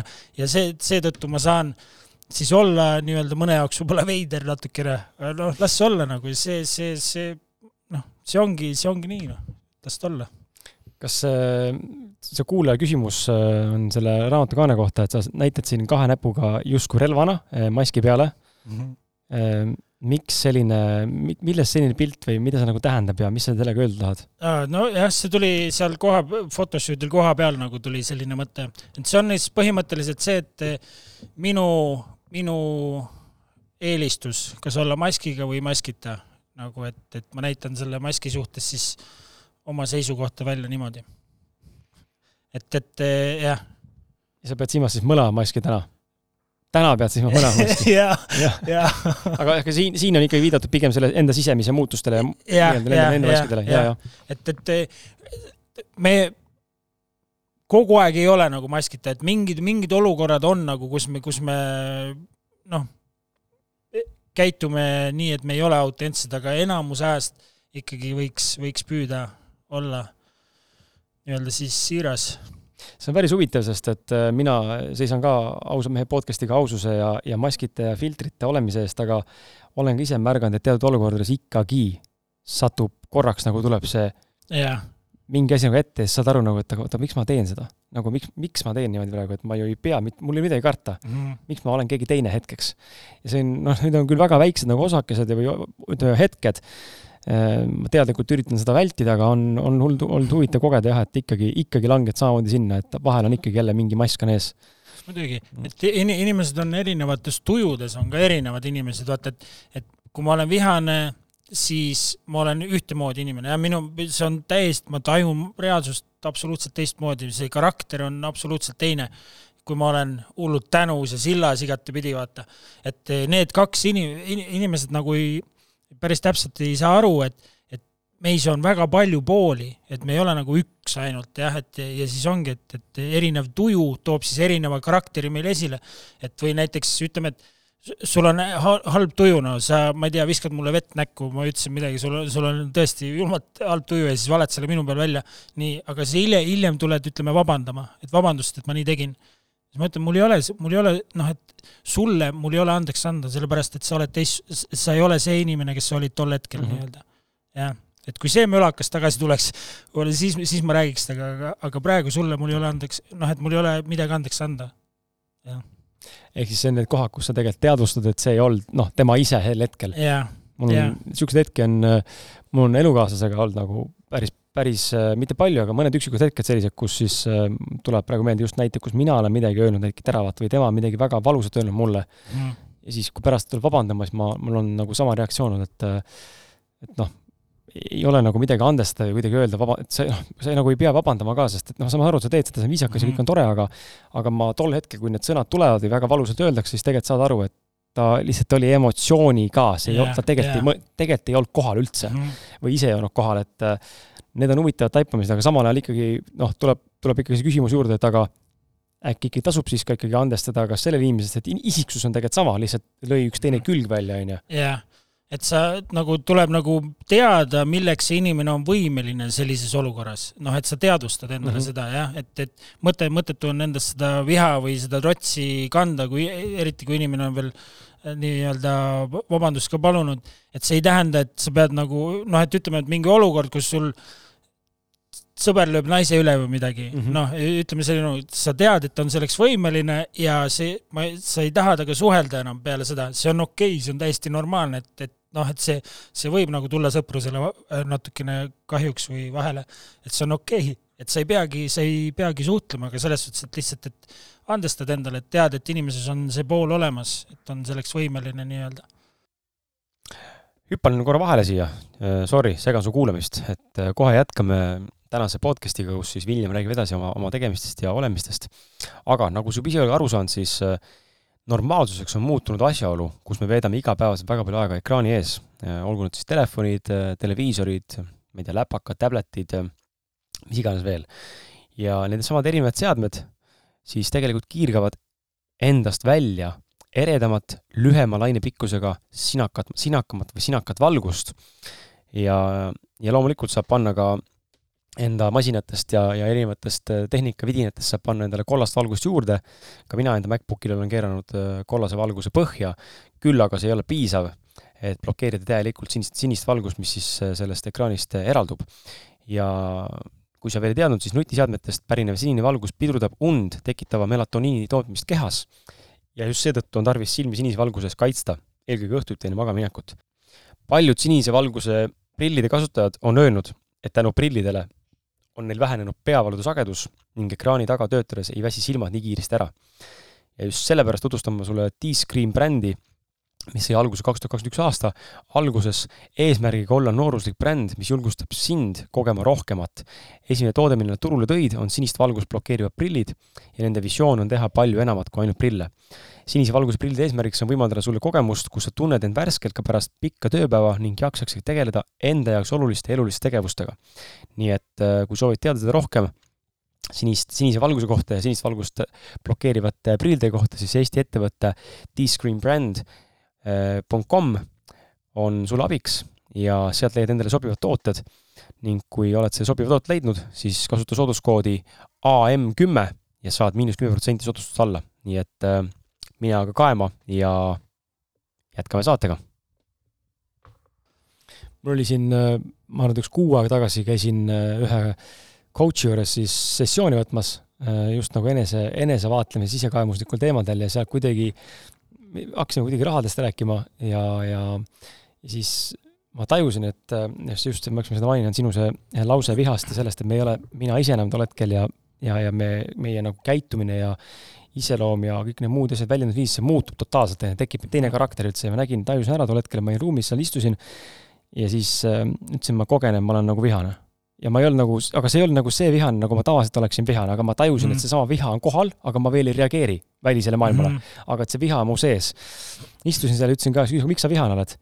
siis ma ütlesin, et, äh, et, äh, et mis, mis, mis see viha sul tekitab, on see, et esimene sõna, mis tuleb, on kättemaks siis ta küsib, miks, on ju, või kellele. ja siis hakkas tulema sealt mingid vanad lapsepõlvest mingisugused mm -hmm., kelle, kelle, kellega vastu ma ikka veel kannan vimma. ja siis ma saingi aru sel hetkel, et vau, et et me lähmegi nagu täiesti teiseks inimeseks ja tol hetkel ma tajusin ennast ka sellise, kuidas öelda, nagu ma tundsin, et siin on nagu, on, ma olen Krisina ruumis, aga minu sees tuleb see, see teine Kris esile, kes nagu tahaks nagu hoopis nagu öelda, et noh, võtta kirve ja hakata tük-, tükeldama põhimõtteliselt, onju. et sa nagu tajud ära, et sind on nagu tegelikult, midagi on veel sinu enda ole, reaalse nagu mhm. puhta olemuse juures on samal ajal ruumis või samal ajal kehas on mingi teine tumedam pool, mis tugevalt tahaks olla, no niisugune nagu vaata, vaimude väljaajamine, et anna ainult voli ja see vend hakkab siin kurat karjuma ja rap, rap, rapsima, onju.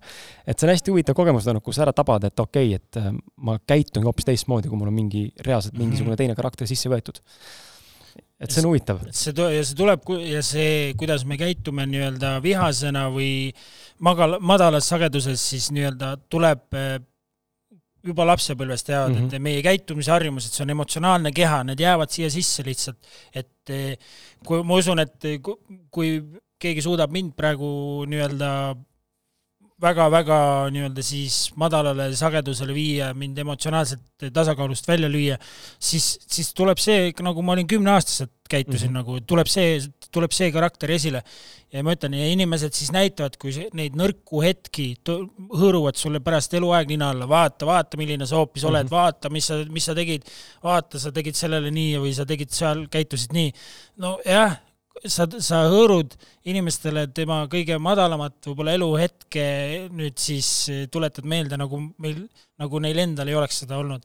et kõige hullem või noh, viimase aja, mis siin praegu mul on nagu Maire Aunastest jumala kahju, noh. et okei okay,, ma ei ütle, et purjus peaga sõitmine on tore ja seda tuleks teha ja see on, see on halb, see, ma ei õigusta seda kuidagi. aga nüüd, no kuna tema on nüüd natuke kuulsam ja inimesed teavad teda, siis sa ei tea, mis tal ennem seda juhtus mm, -hmm. ma ei tea, võib-olla noh, ma ei, midagi mees jättis maha või, või, või suri ära või ja, ma ei tea, mis oli, jah? ta, ta võis olla nagu rivist välja löödud ja tõmbas täis ja siis läks, läks rumala peaga nõrg, nõrgas olekus, läks sõitma.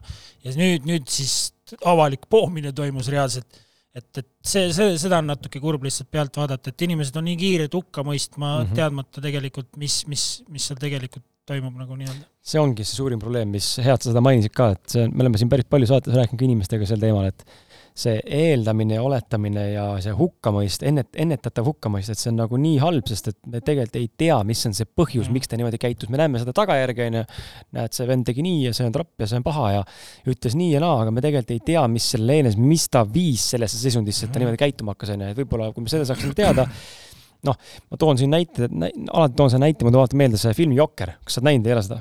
ei ole, ma olen tagasi. kuulnud teda. väga palun vaata seda, nagu ma ei ole, ma nagu tundsin, et mind see film kõnetab mingi aeg, kuna väga paljud kiitsid seda ja, ja siis ma näitleja tegelikult on hea, mõtlesin, okei okay,, ma siis vaatan ära. ja ma pean tunnistama, et see on tõesti fantastiline film, jutud selle kohta vastavad tõele, ta on kuradi hästi tehtud lihtsalt. ja just nagu selle vaatevinkli alt, et sa, peategelane on siis paha tegelane piltlikult öeldes mm. -hmm aga see tema teekond, näitab tema teekonda, kuidas temast sai see mõrvarlik eh, psühhopaat mm -hmm.. noh, et ta on vaimselt katki inimene, kuidas teda traumeeriti ja peksti ja alandati, maha tehti ja kuidas valukohtadele kogu aeg vajutati, siis tegelikult lõpuks mm -hmm. saad aru sellest, et üle ma tegelikult mõistan teda.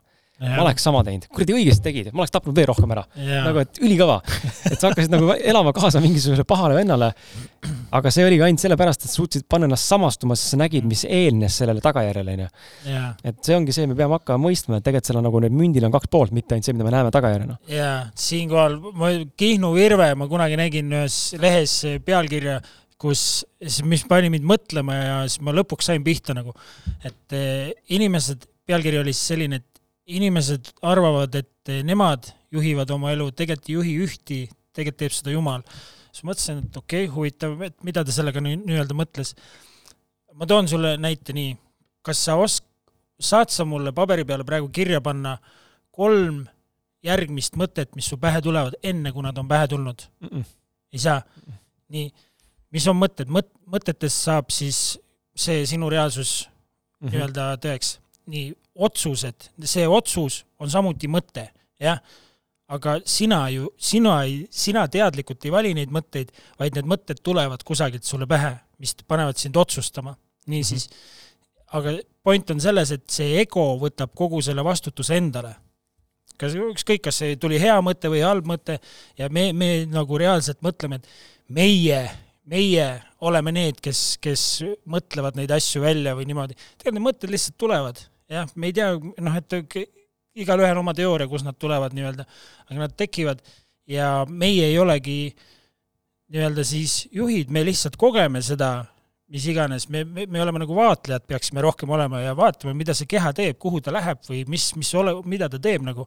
aga me, me, me ei tee seda, me arvame, et, et me, meie olemegi selle elu autorid siis nii-öelda mm. -hmm on päris huvitav mõte, polegi selle, niimoodi selle nurgas neile mõelnud, et äh, ma kogu aeg üritasin äh, mõelda siin, et kas ma saan, suudan öelda, mis mõtted mul tulemas on, aga noh, see ei, esiteks ma ei suuda isegi tuvastada seda dialoogi enda sees, onju, et lihtsalt need lihtsalt mõtted tulevadki lihtsalt pähe mulle, need mõtted.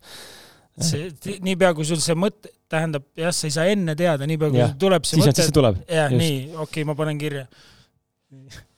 Okei okay, aga Lähme, lähme korra selle motivatsiooni ähm, kõneleja selle sildi juurde, mis sa endale Facebooki valisid, et äh, sa oled ehitanud täna endale märkimisväärse jälgijaskonna. Äh, siin täpselt ei tea, mis see on, tead sa täpselt, mis, mis summa sul täna on? Äh, ta, ta, kas jälg, jälgijaid oli vist kakskümmend viis tuhat ja meeldimisi oli kakskümmend.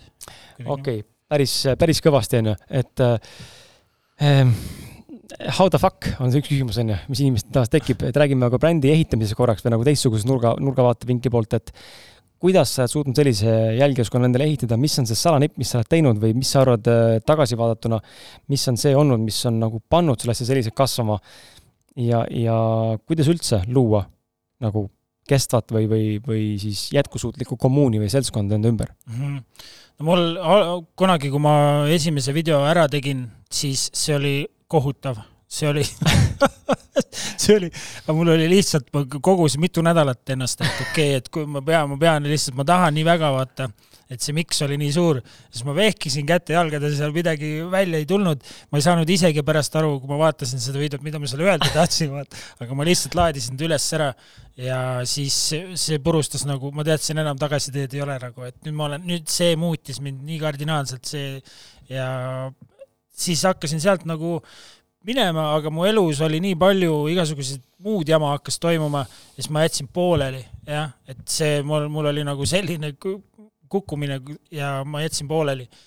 siis, kui ma hakkasin kunagi uuesti, siis mõtlesin, okei okay,, nui neljaks, ma ükskõik, tulgu mingi orkaan või mis iganes, kui ma isegi rääkimisvõime peaksin ära kaotama, ma jätkan seda nagu, ma jätkan seda jagamist, sellepärast et et ma nägin, kuidas ma mõjutasin inimeste elusid nii-öelda siis negatiivses suunas, kui mul end-, kui ma ise käitusin, noh, mul olid mm -hmm. halvad harjumused ja kõik nagu see, mis, mis nagu inimeste õnnetuse pealt siis teenisid.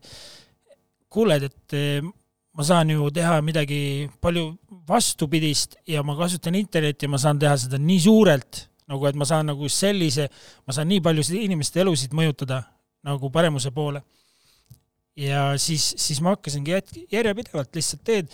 Ja ma arvan, et see on jah, et eh, rääkida teemasid võib-olla, mida kõik teised ei julge rääkida, jah, et eh, olla, olla teht-, teha siis seda puhtast siirast kavatsusest, et, et sa soovid inimeste ellu väärtust tuua lihtsalt, et ma, ma ei taha, ma ei taha sult mitte midagi vastu, ma lihtsalt, näed, võta, et see mm, -hmm. need on minu teadmised ja te, üks asi veel, et et oma tütrele siis, et kui kunagi ta näeks, et võib-olla noh, et ta praegu on nii noor, et ta ei saa aru nendest asjadest, aga, aga ma jätan nagu jälje igaveseks maha, vaata, et et mina võin ära surra, aga sisu on alles. jah, et, et ma elan nendes videodes edasi siis nii-öelda.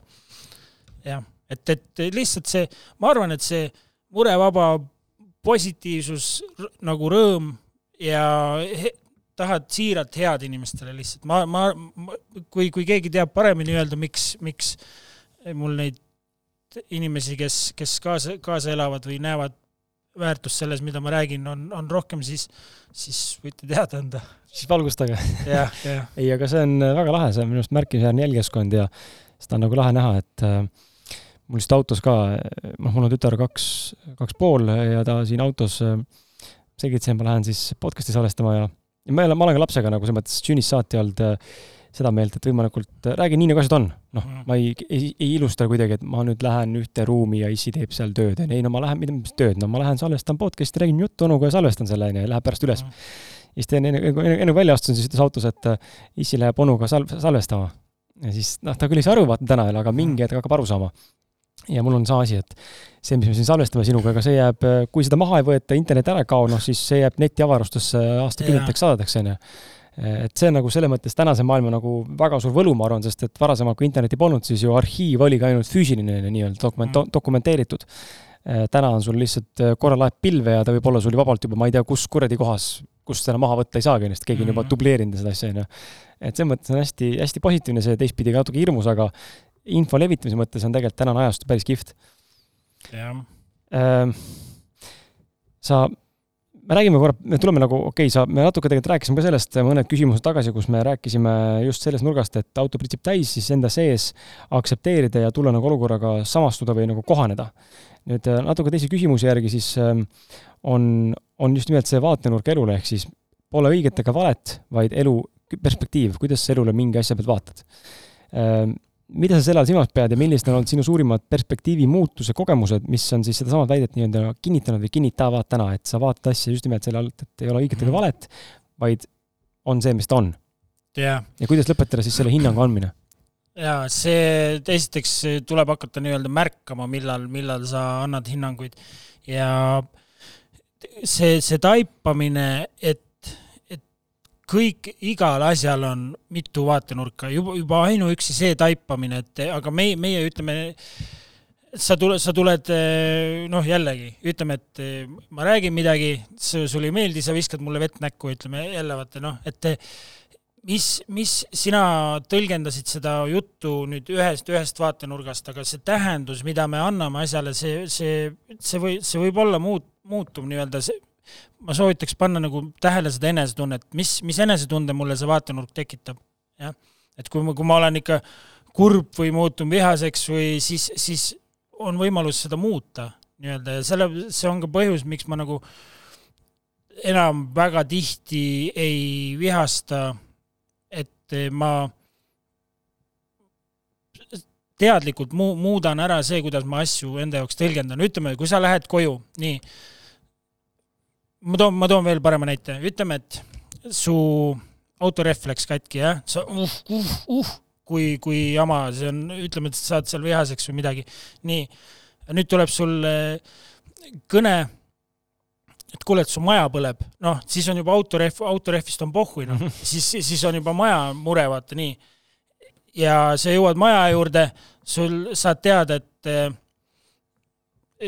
ütleme, et keegi helistab jälle et eh, sul lapse või tähendab, et sul on mingi kasvaja, tuleb arst helistab, vaata, siis on see maja on puhku ja nüüd on juba kasvaja, vaata, et mida, ja siis, kui jälle saad teada, et su lapsega midagi valesti, siis on sinu kasvaja juba ükskõik, et saad nagu, et see, kuidas sa nagu näed olukorda, tõlgendad, see on nagu saab, saab siis määravaks, et ala, alati saab hullem olla, et üks, üks, üks kord, kui minu elus oli niimoodi, et kui mul kõik asjad jooksid viltu lihtsalt, ma jäin rahast ilma, ma jäin palgast, ma jäin tööst ilma, ma jäin elukohast ilma, ma jäin naisest ilma, ma, ja see kõik juhtus paari päeva jooksul.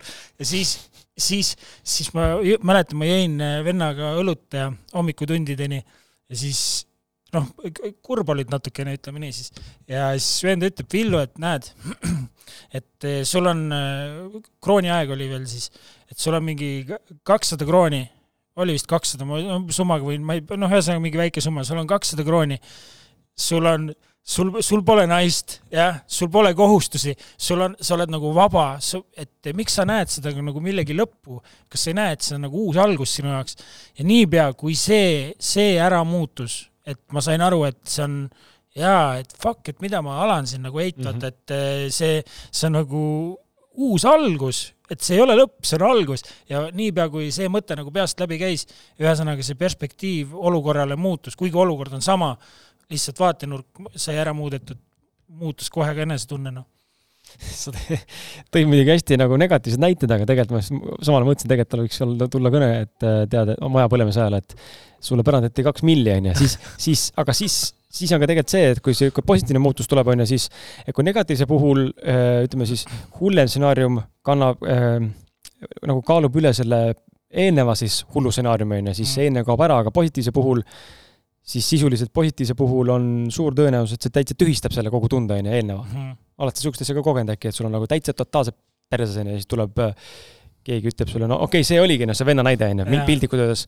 et see, see on nagu see võib-olla isegi parem variant, kus juhtub, muidu on see, et kogu aeg on see downgrade, on ju, muudkui kukud kogu aeg sügavale, on ju, kogu aeg on, kogu aeg on valusam, on ju ei noh, selles suhtes, et, et eh, alati saab hullem olla, ütleme, et kui sul järgmine kord rehv puruks läheb, siis sul tuleb see näide äkki meelde, näed, et siis ei reageeri enam. jah, et kunagi panime, sõitsime Soomes, olime tööl, noh, ja tulime töökaaslasega noh, oma elukohta sinna, kus me elasime, sõitsime, ennem käisime just tankimas, panime valet kütut siis, kütet sisse, meil oli mingi kolmkümmend kilti veel minna ja väljas sadas hullu padukat ja me jäime keset maanteed, vaata, jäime seisma siis, siis avastasime, et me panime valet kütust sisse ja nüüd noh, et see kõrval, kes mul istus, see, see tüüp, ta läks jumala närvi, vaata, mõtles, et sokkis, vihastas, nagu ropendas igatepidi, vaata. ja siis küsis, et noh, positiivne vanana, ütle, mis siin head praegu on, vaata. siis ma ütlesin, et me saame uue auto tõenäoliselt ja saite ka? jah, et nojah, et iga, igas olukorras on võimalus näha midagi head või siis lahendusi, jah mm. -hmm. võime lahenduste suhtes olla positiivsed.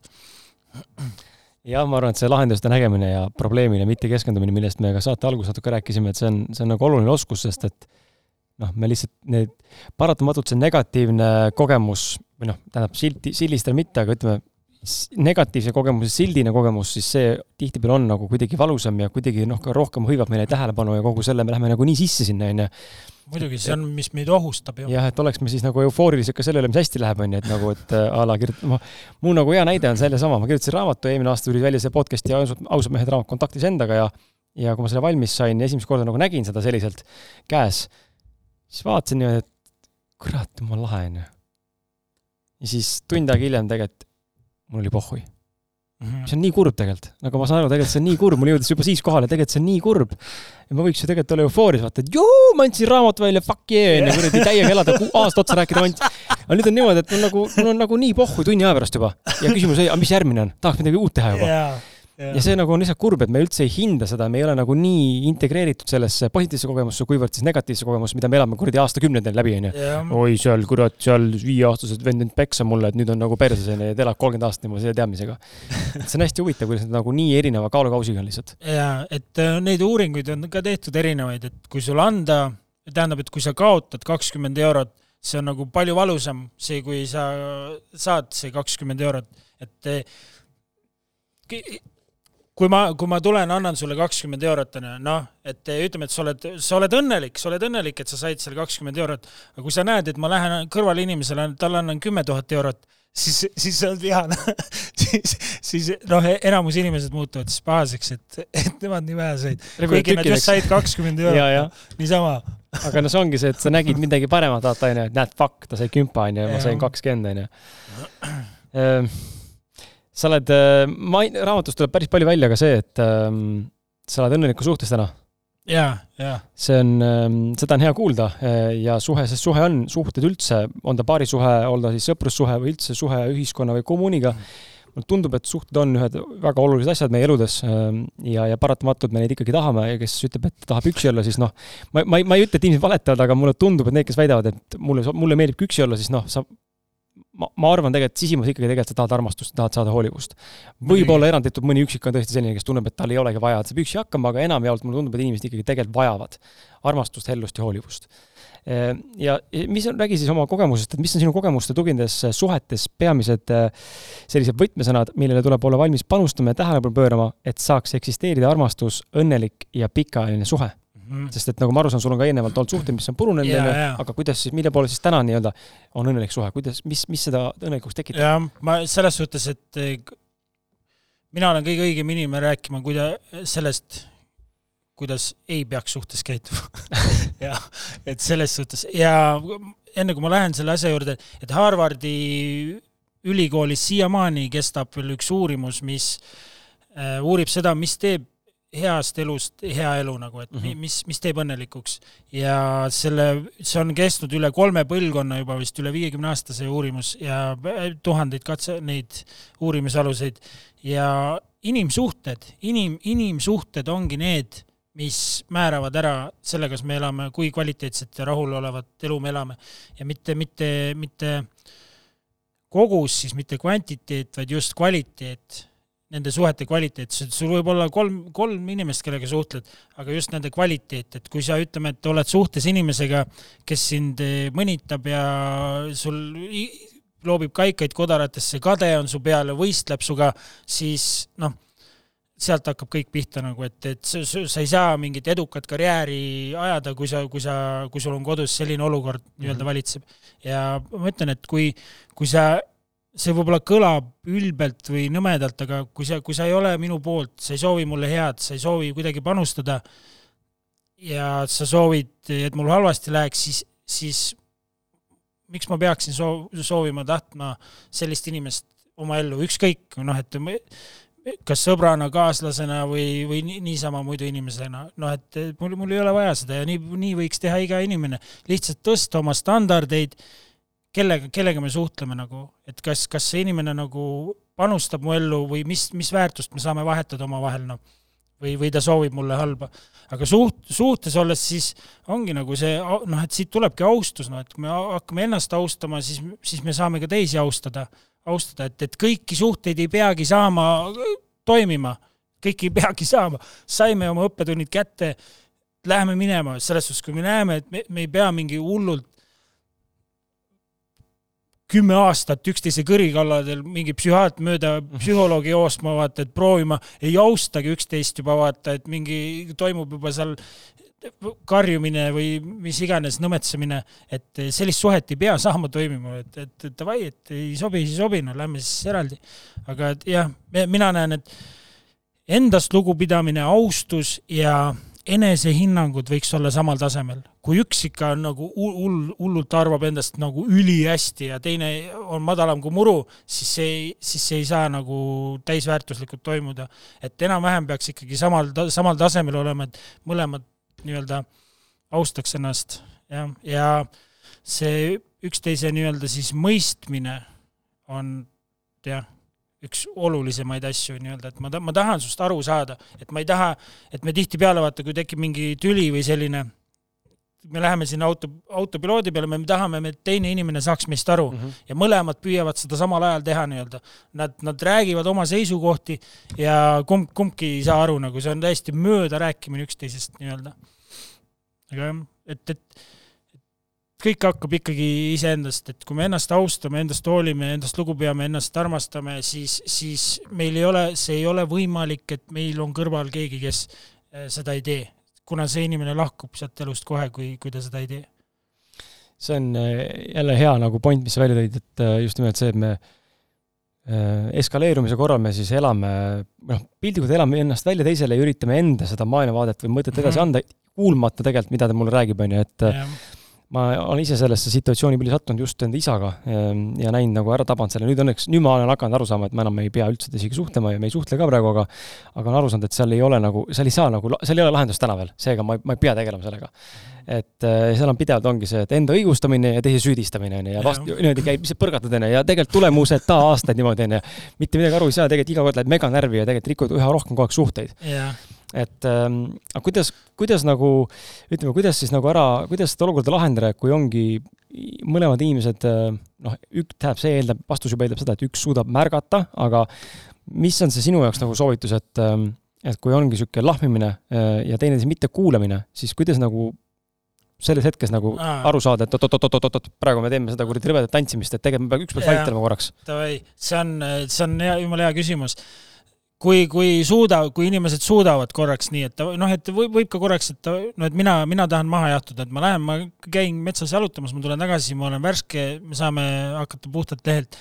aga seal hetkes jah, et kui üks on targem, ütleb stopp nagu reaalselt, paneme praegu, praegu sellises olukorras, nagu sina kirjeldasid, toimub nagu võistlemine, et üks tahab võita mm. -hmm. jah, me ei taha, me ei taha, et see olukord laheneks, vaid mõlemad tahavad võita, nii.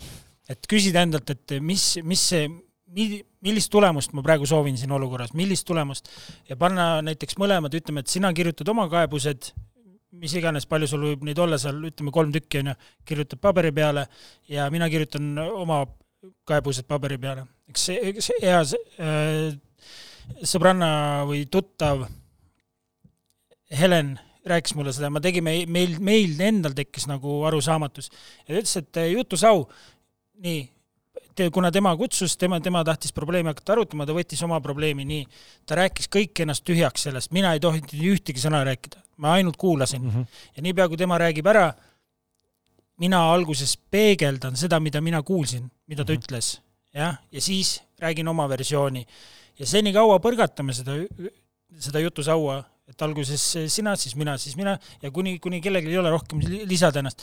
ja, ja te olete ise ka üllatunud, kui palju möödarääkimisi mhm. toimub mm -hmm. nagu, et ini-, see, neid on nii palju lihtsalt, et inimesed saavad sõnadest, saavad, ütleme, ühe jaoks tähendab tugev ühte asja, teine, teise jaoks teist asja, juba sealt tekib see, võib, no et jah, et, et see ongi akti-, aktiivne kuulamine, et see on nagu oskus, mida võiks iga inimene arendada tänapäeval. see on väga raske teinekord, eh, kui sa ei ole just nagu teadlik, et see oskus kuulata, mitte kuulda, vaid kuulata, sest et ja. see paratamatult sul juba need, iga lause peal on see mõte, mis ma saaks vastu öelda, vaata onju, et ma kurat, siit, paneks mulle siit selle onju ja siis, aga siis ma tahan vait onju ja ma ise olen ka märganud tegelikult, et mingil määral nagu noh, ma olen nagu nõus, et see praktika on tegelikult väga õige ja ma ise kasutan ka sama asja, aga näiteks selliste asjade puhul, näiteks nagu podcast'i salvestamine mm, -hmm. siis seal peaks seda dünaamikat natuke muutma ja hakkama vist vahele segama rohkem, sest ma olen tihti märganud, et ma kuulan inimest, lasen nagu rääkida, onju, ja siis on mul endal nii palju mõtteid, mis tahaks juba juurde öelda. ja siis, kui sa lõpetad jutu, siis mul nagu see, et ma ei mäleta enam lihtsalt yeah., sest ma tegelikult tahtsin talle vahele öelda. et seal on, see on see, aga see ei ole ka nagu selles mõttes tüli või argumendi nagu situatsioon on ju mm.. et aga argument tüli puhul siis jah, oleks mõistlik. kui sa ilmselt, paned märk, märkmeid. ja no siis peaks tegema märkmeid jah, aga no kohe ei viitsi vaata, nii süveneb vaata, et oo oh,, mis Villem räägib, ma siis kuulan ka onju et ei, see on, see on hea tähelepanek selles mõttes, et jaa, et oskus kuulata teist inimest ja, ja olla valmis nagu just nimelt see jutu tõlgendamine, kuidas me aru saame tegelikult midagi, sest et noh, sina võid ühte juttu rääkida täna mulle ja ja homme räägib mulle sama juttu keegi teine, sõna-sõnalt sama, sama, sama asja, ma saan temast palju paremini aru või siis sinust sama palju, palju yeah. paremini aru, on ju, kuigi jutt on sama, et see on nagu nii erinev, kuidas me nagu suhestume ka veel inimeste endaga ka, mitte ainult jutuga, on ju. Äh, raamatusse mainik, tuleme korra siia sellise nagu meheks olemise juurde ka, et kuna raamatsari on mees nimega Kuus, siis raamatusse mainida kõige üks olulisemaid omadusi, mida mees endas arendama peaks, on emotsionaalne tugevus. Äh, räägi, mis sa sinu, sinu pead selle all ja, ja kuidas sa endas arendada? jaa, et see, see tähendab, ma ise aktiivselt tegelen hetkel samamoodi sellega. et see on emotsionaalne tugevus ehk siis nagu teisisõnu stabiilsus, et sa oled nii-öelda vaimselt tasakaalus, sa oled nagu, suudad keskmes olla kogu aeg, või noh, mitte kogu aeg, aga enamus ajast. et kui midagi nii-öelda juhtub, siis sa ei lähe, kunagi ma võisin karjuma hakata või ma ei tea, mingeid asju loopima või noh, et mul võis niimoodi ära sõita, et see näitab minu jaoks, et ma ei, et ma ei olnud vaimselt kuigi tugev, jah, et sellise, mingid asjad said mind niimoodi nii-öelda rivist välja lüüa, et see, see, see on nagu, see ei ole mehelik käitumine, et me, mina näen, et mees, kui, kui on mingisugused pingelised olukorrad, et suudab nagu säilitada rahu, vaata, et jääda nagu keskmesse, et mitte minna sinna hirmu või vihasse, vaid hinnata olukorda nagu mhm. objektiivselt, jah. et, et see ja kuidas seda siis saab, on kõige, no kõige, kõige, minu jaoks kõige efektiivsem moodus on äh, vaikuses mediteerida, lihtsalt sa oled vaikuses ja tunnetad lihtsalt oma keha nagu li-, lihtsalt, et oled olemas, vaatad, mingid mõtted hakkavad tulema, aga sa oled nagu, märkad neid, lased minema ja oled nagu kogu aeg hetkes ja kehas ja siis, kui tekib näiteks see olukord, mingisugune, mingisugune olukord, kus sa muidu toimus automaatne reageerimine, sul su olukorrad tõlgendus käis automaatselt, sul läks su emotsionaalsesse kehasse, leidis mälust, ah, see on see samasugune olukord ja nüüd sa reageerisid sellele. aga kui sa mediteerid nii-öelda,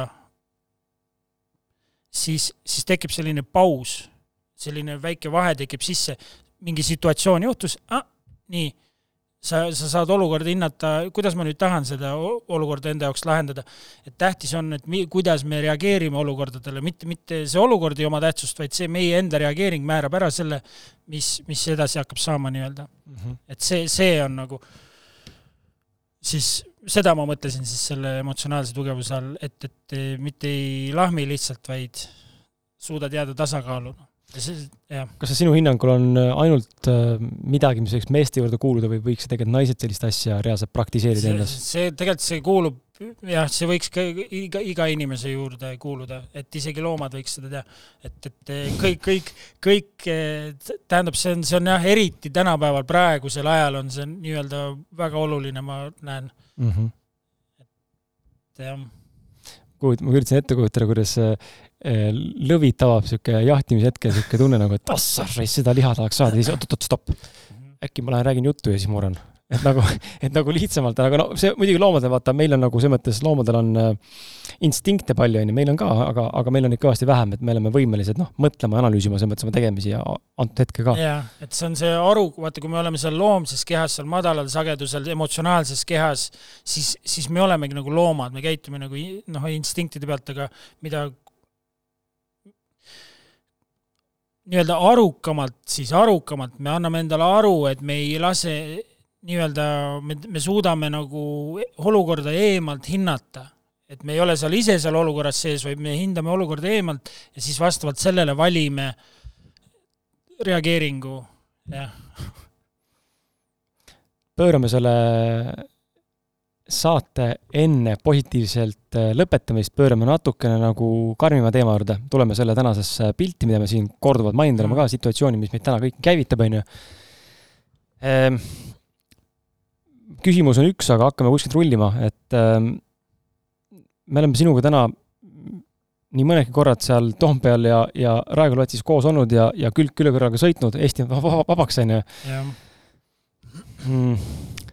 Ma kujutan ette, et äh, podcast'i kuulajate seas võib olla väga palju inimesi ja ma tean, et on väga palju neid, kes ei mõista seda ja kes ei ole üldse kursiski, mis tegelikult toimub.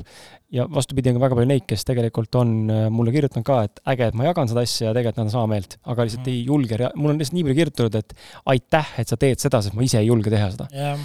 mis on nagu väga kurb teistpidi, aga teistpidi väga nagu tore, et sa tunnustad vähemalt ja nagu toetad vaimselt mm. aga reaalsus on see, et see saab muutuda ainult siis, kui ka sina oma sõna otseses mõttes kotid võtad perse alt välja ja tuled, astud välja, on ju, et noh, puhtalt vaimselt, vaimse toega nagu sa ei, sa ei mm. saavuta nii palju, kui sa tegelikult täna võib-olla saavutaks sellega, sa päriselt toetad ja panustad. räägime, mis see, mis see nagu siis meil toimunud on, täna on, igaks mainin ka, täna on kakskümmend kolm aprill. mis seis meil, tähendab, jõuame siis, alustame sellest, mis toimus siiamaani Toompeal, miks me seisime seal, räägime inimestele natuke sellest, miks me seal seisime, mida see NETS kolm neli seitse seaduse muudatus äh, tähendab, kui see vastu võetakse, mis, miks see üldse tekitati? Ja, ja, ja räägime nagu üldse sellest, sellest olukorrast natuke juurde siia ja siis jõuame siia, mis tegelikult, mis seis täna on ja kuhu me jõuame. Mm. -hmm.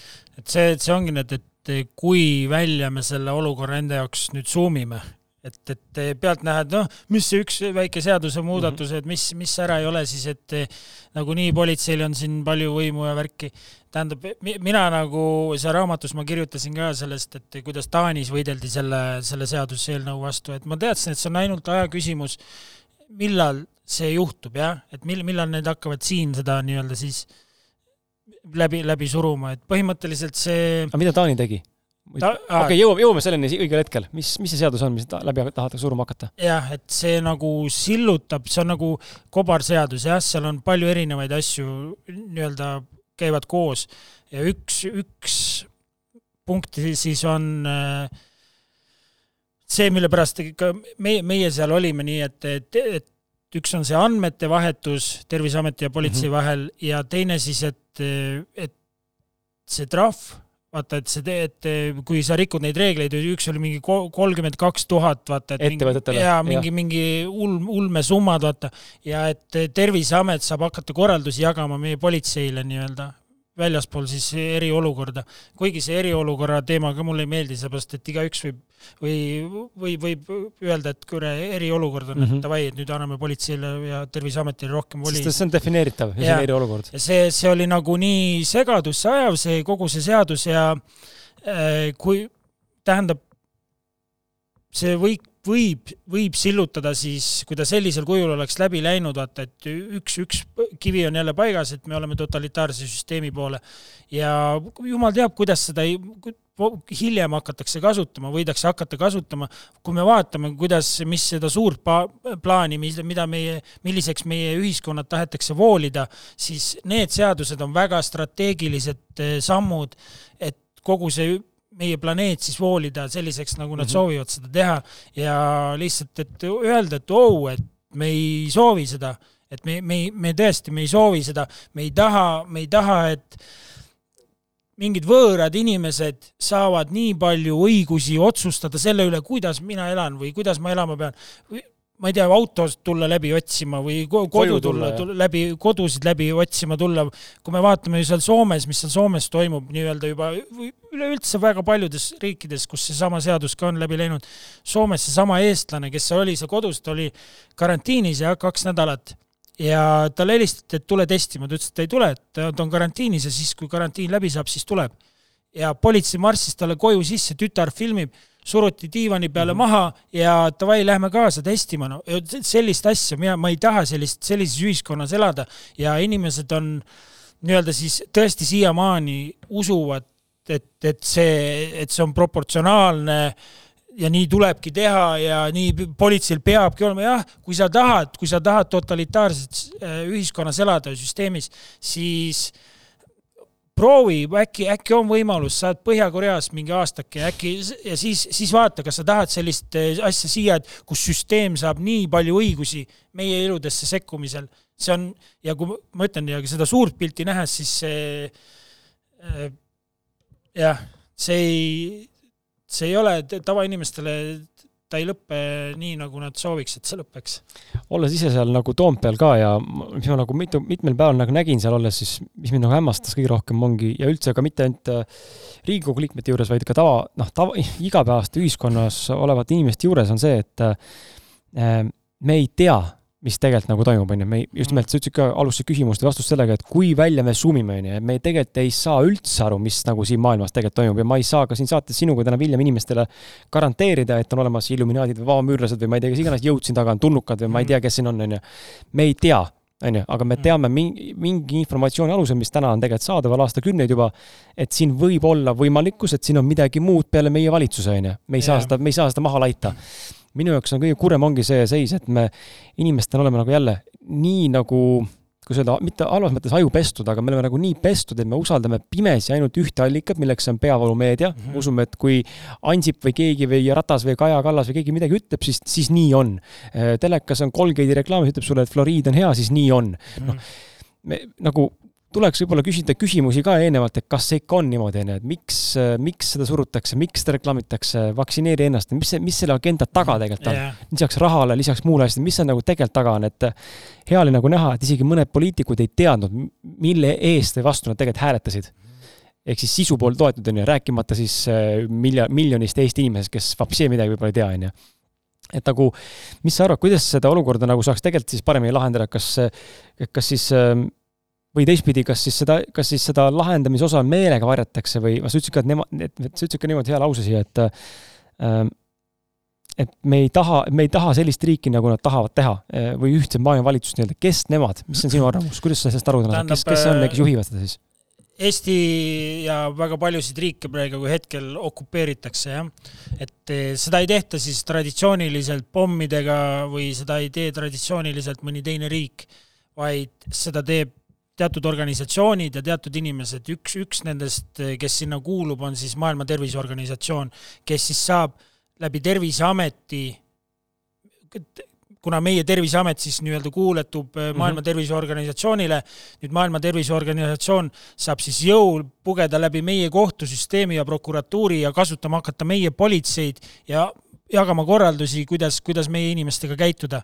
nii võetaksegi ja kesk, vaatame, jälgime, kus, kus see raha nii-öelda siis läheb, jälit-, jälitame raha, jah. et, et praegu ma ütlen, sellepärast ma tulin üldse Eestisse tagasi, kuna ma nägin, milline Armageddon siiapoole teel on lihtsalt, et ma oleks oma inimestele lähemal, et valmistada neid eh, nii-öelda kuidas ma tegin, sellepärast ma tegingi see koolituse võitleja, et kuidas toime tulla kriisiolukordades juba ammu, juba aasta, üle aasta aega ta tagasi, et eh, nägid, mis, mis jama siin tulema hakkab ja tähendab, kogu pangandussüsteem, kogu finantssüsteem, kogu rahandussüsteem oli, on lõpusirgel mm -hmm. ja see, ja see, see praegu see printimine, see on, see on lihtsalt see, me hakkame nüüd alles nägema, kuidas see inflatsioon, kes on märganud, on kogu aeg nagu tiksunud, jah, aga nüüd ta tõenäoliselt hakkab äh, hüppeliselt kasvama ja see rahandussüsteem vahetatakse välja ja neil on juba uus äh, see raha, raha nii-öelda välja, täisdigitaalne, kus sularaha ei ole,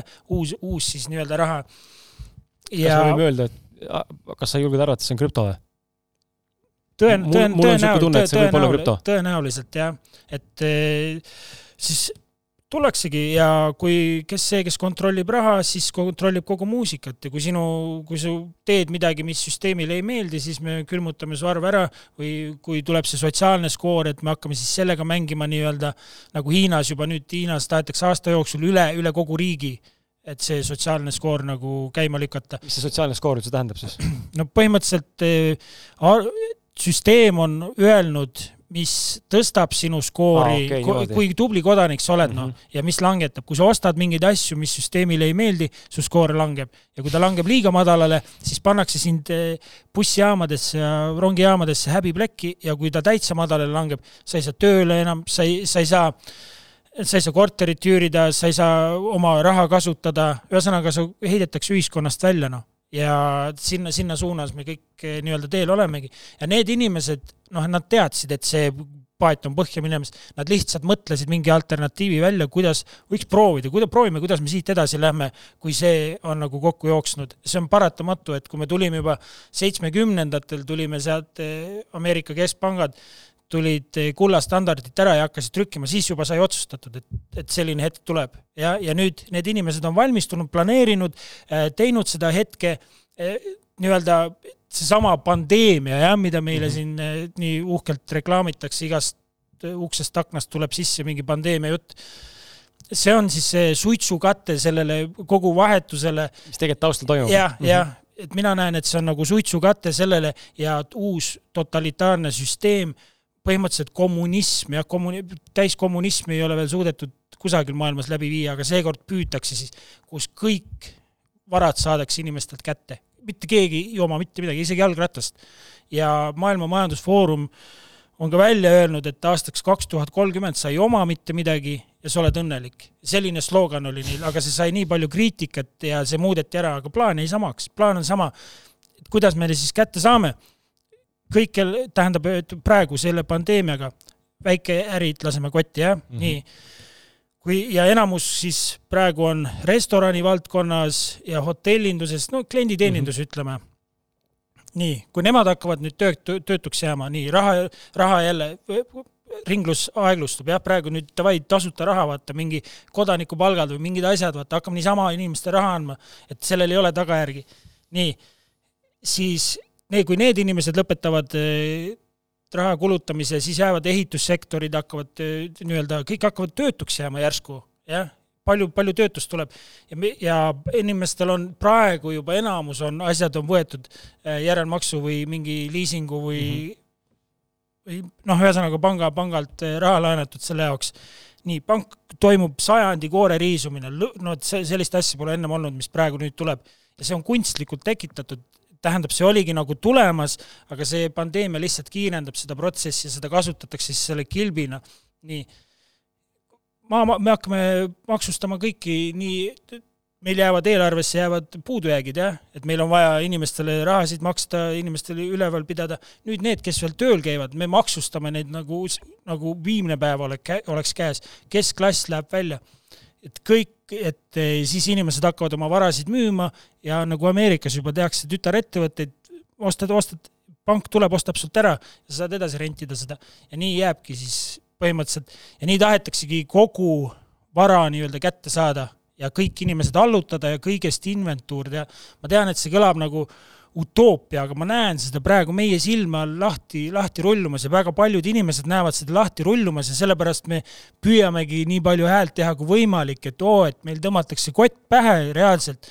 ka, ka need, kes need seal peavoolus saavad oma uudiseid ja ei, tuleb, nad, noh, nad on lihtsalt, nad vaatavad oma, oma uudiste, mingi pealkirja loevad ära mm -hmm. ja nad arvavad, neil on kogu tõde teada. ja ma saan aru, inimene käib tööl, on ju, päev, pikk päev läbi tööl olnud, läheb lihtsalt diivani peale, sööb oma kõhu täis, vaatab mingi uudistelõigu ära ja siis, siis arvabki, et teab kogu tõde, oskamatu üldse mõelda, et see võis olla vale, mida inimestele räägitakse, see võib olla propaganda.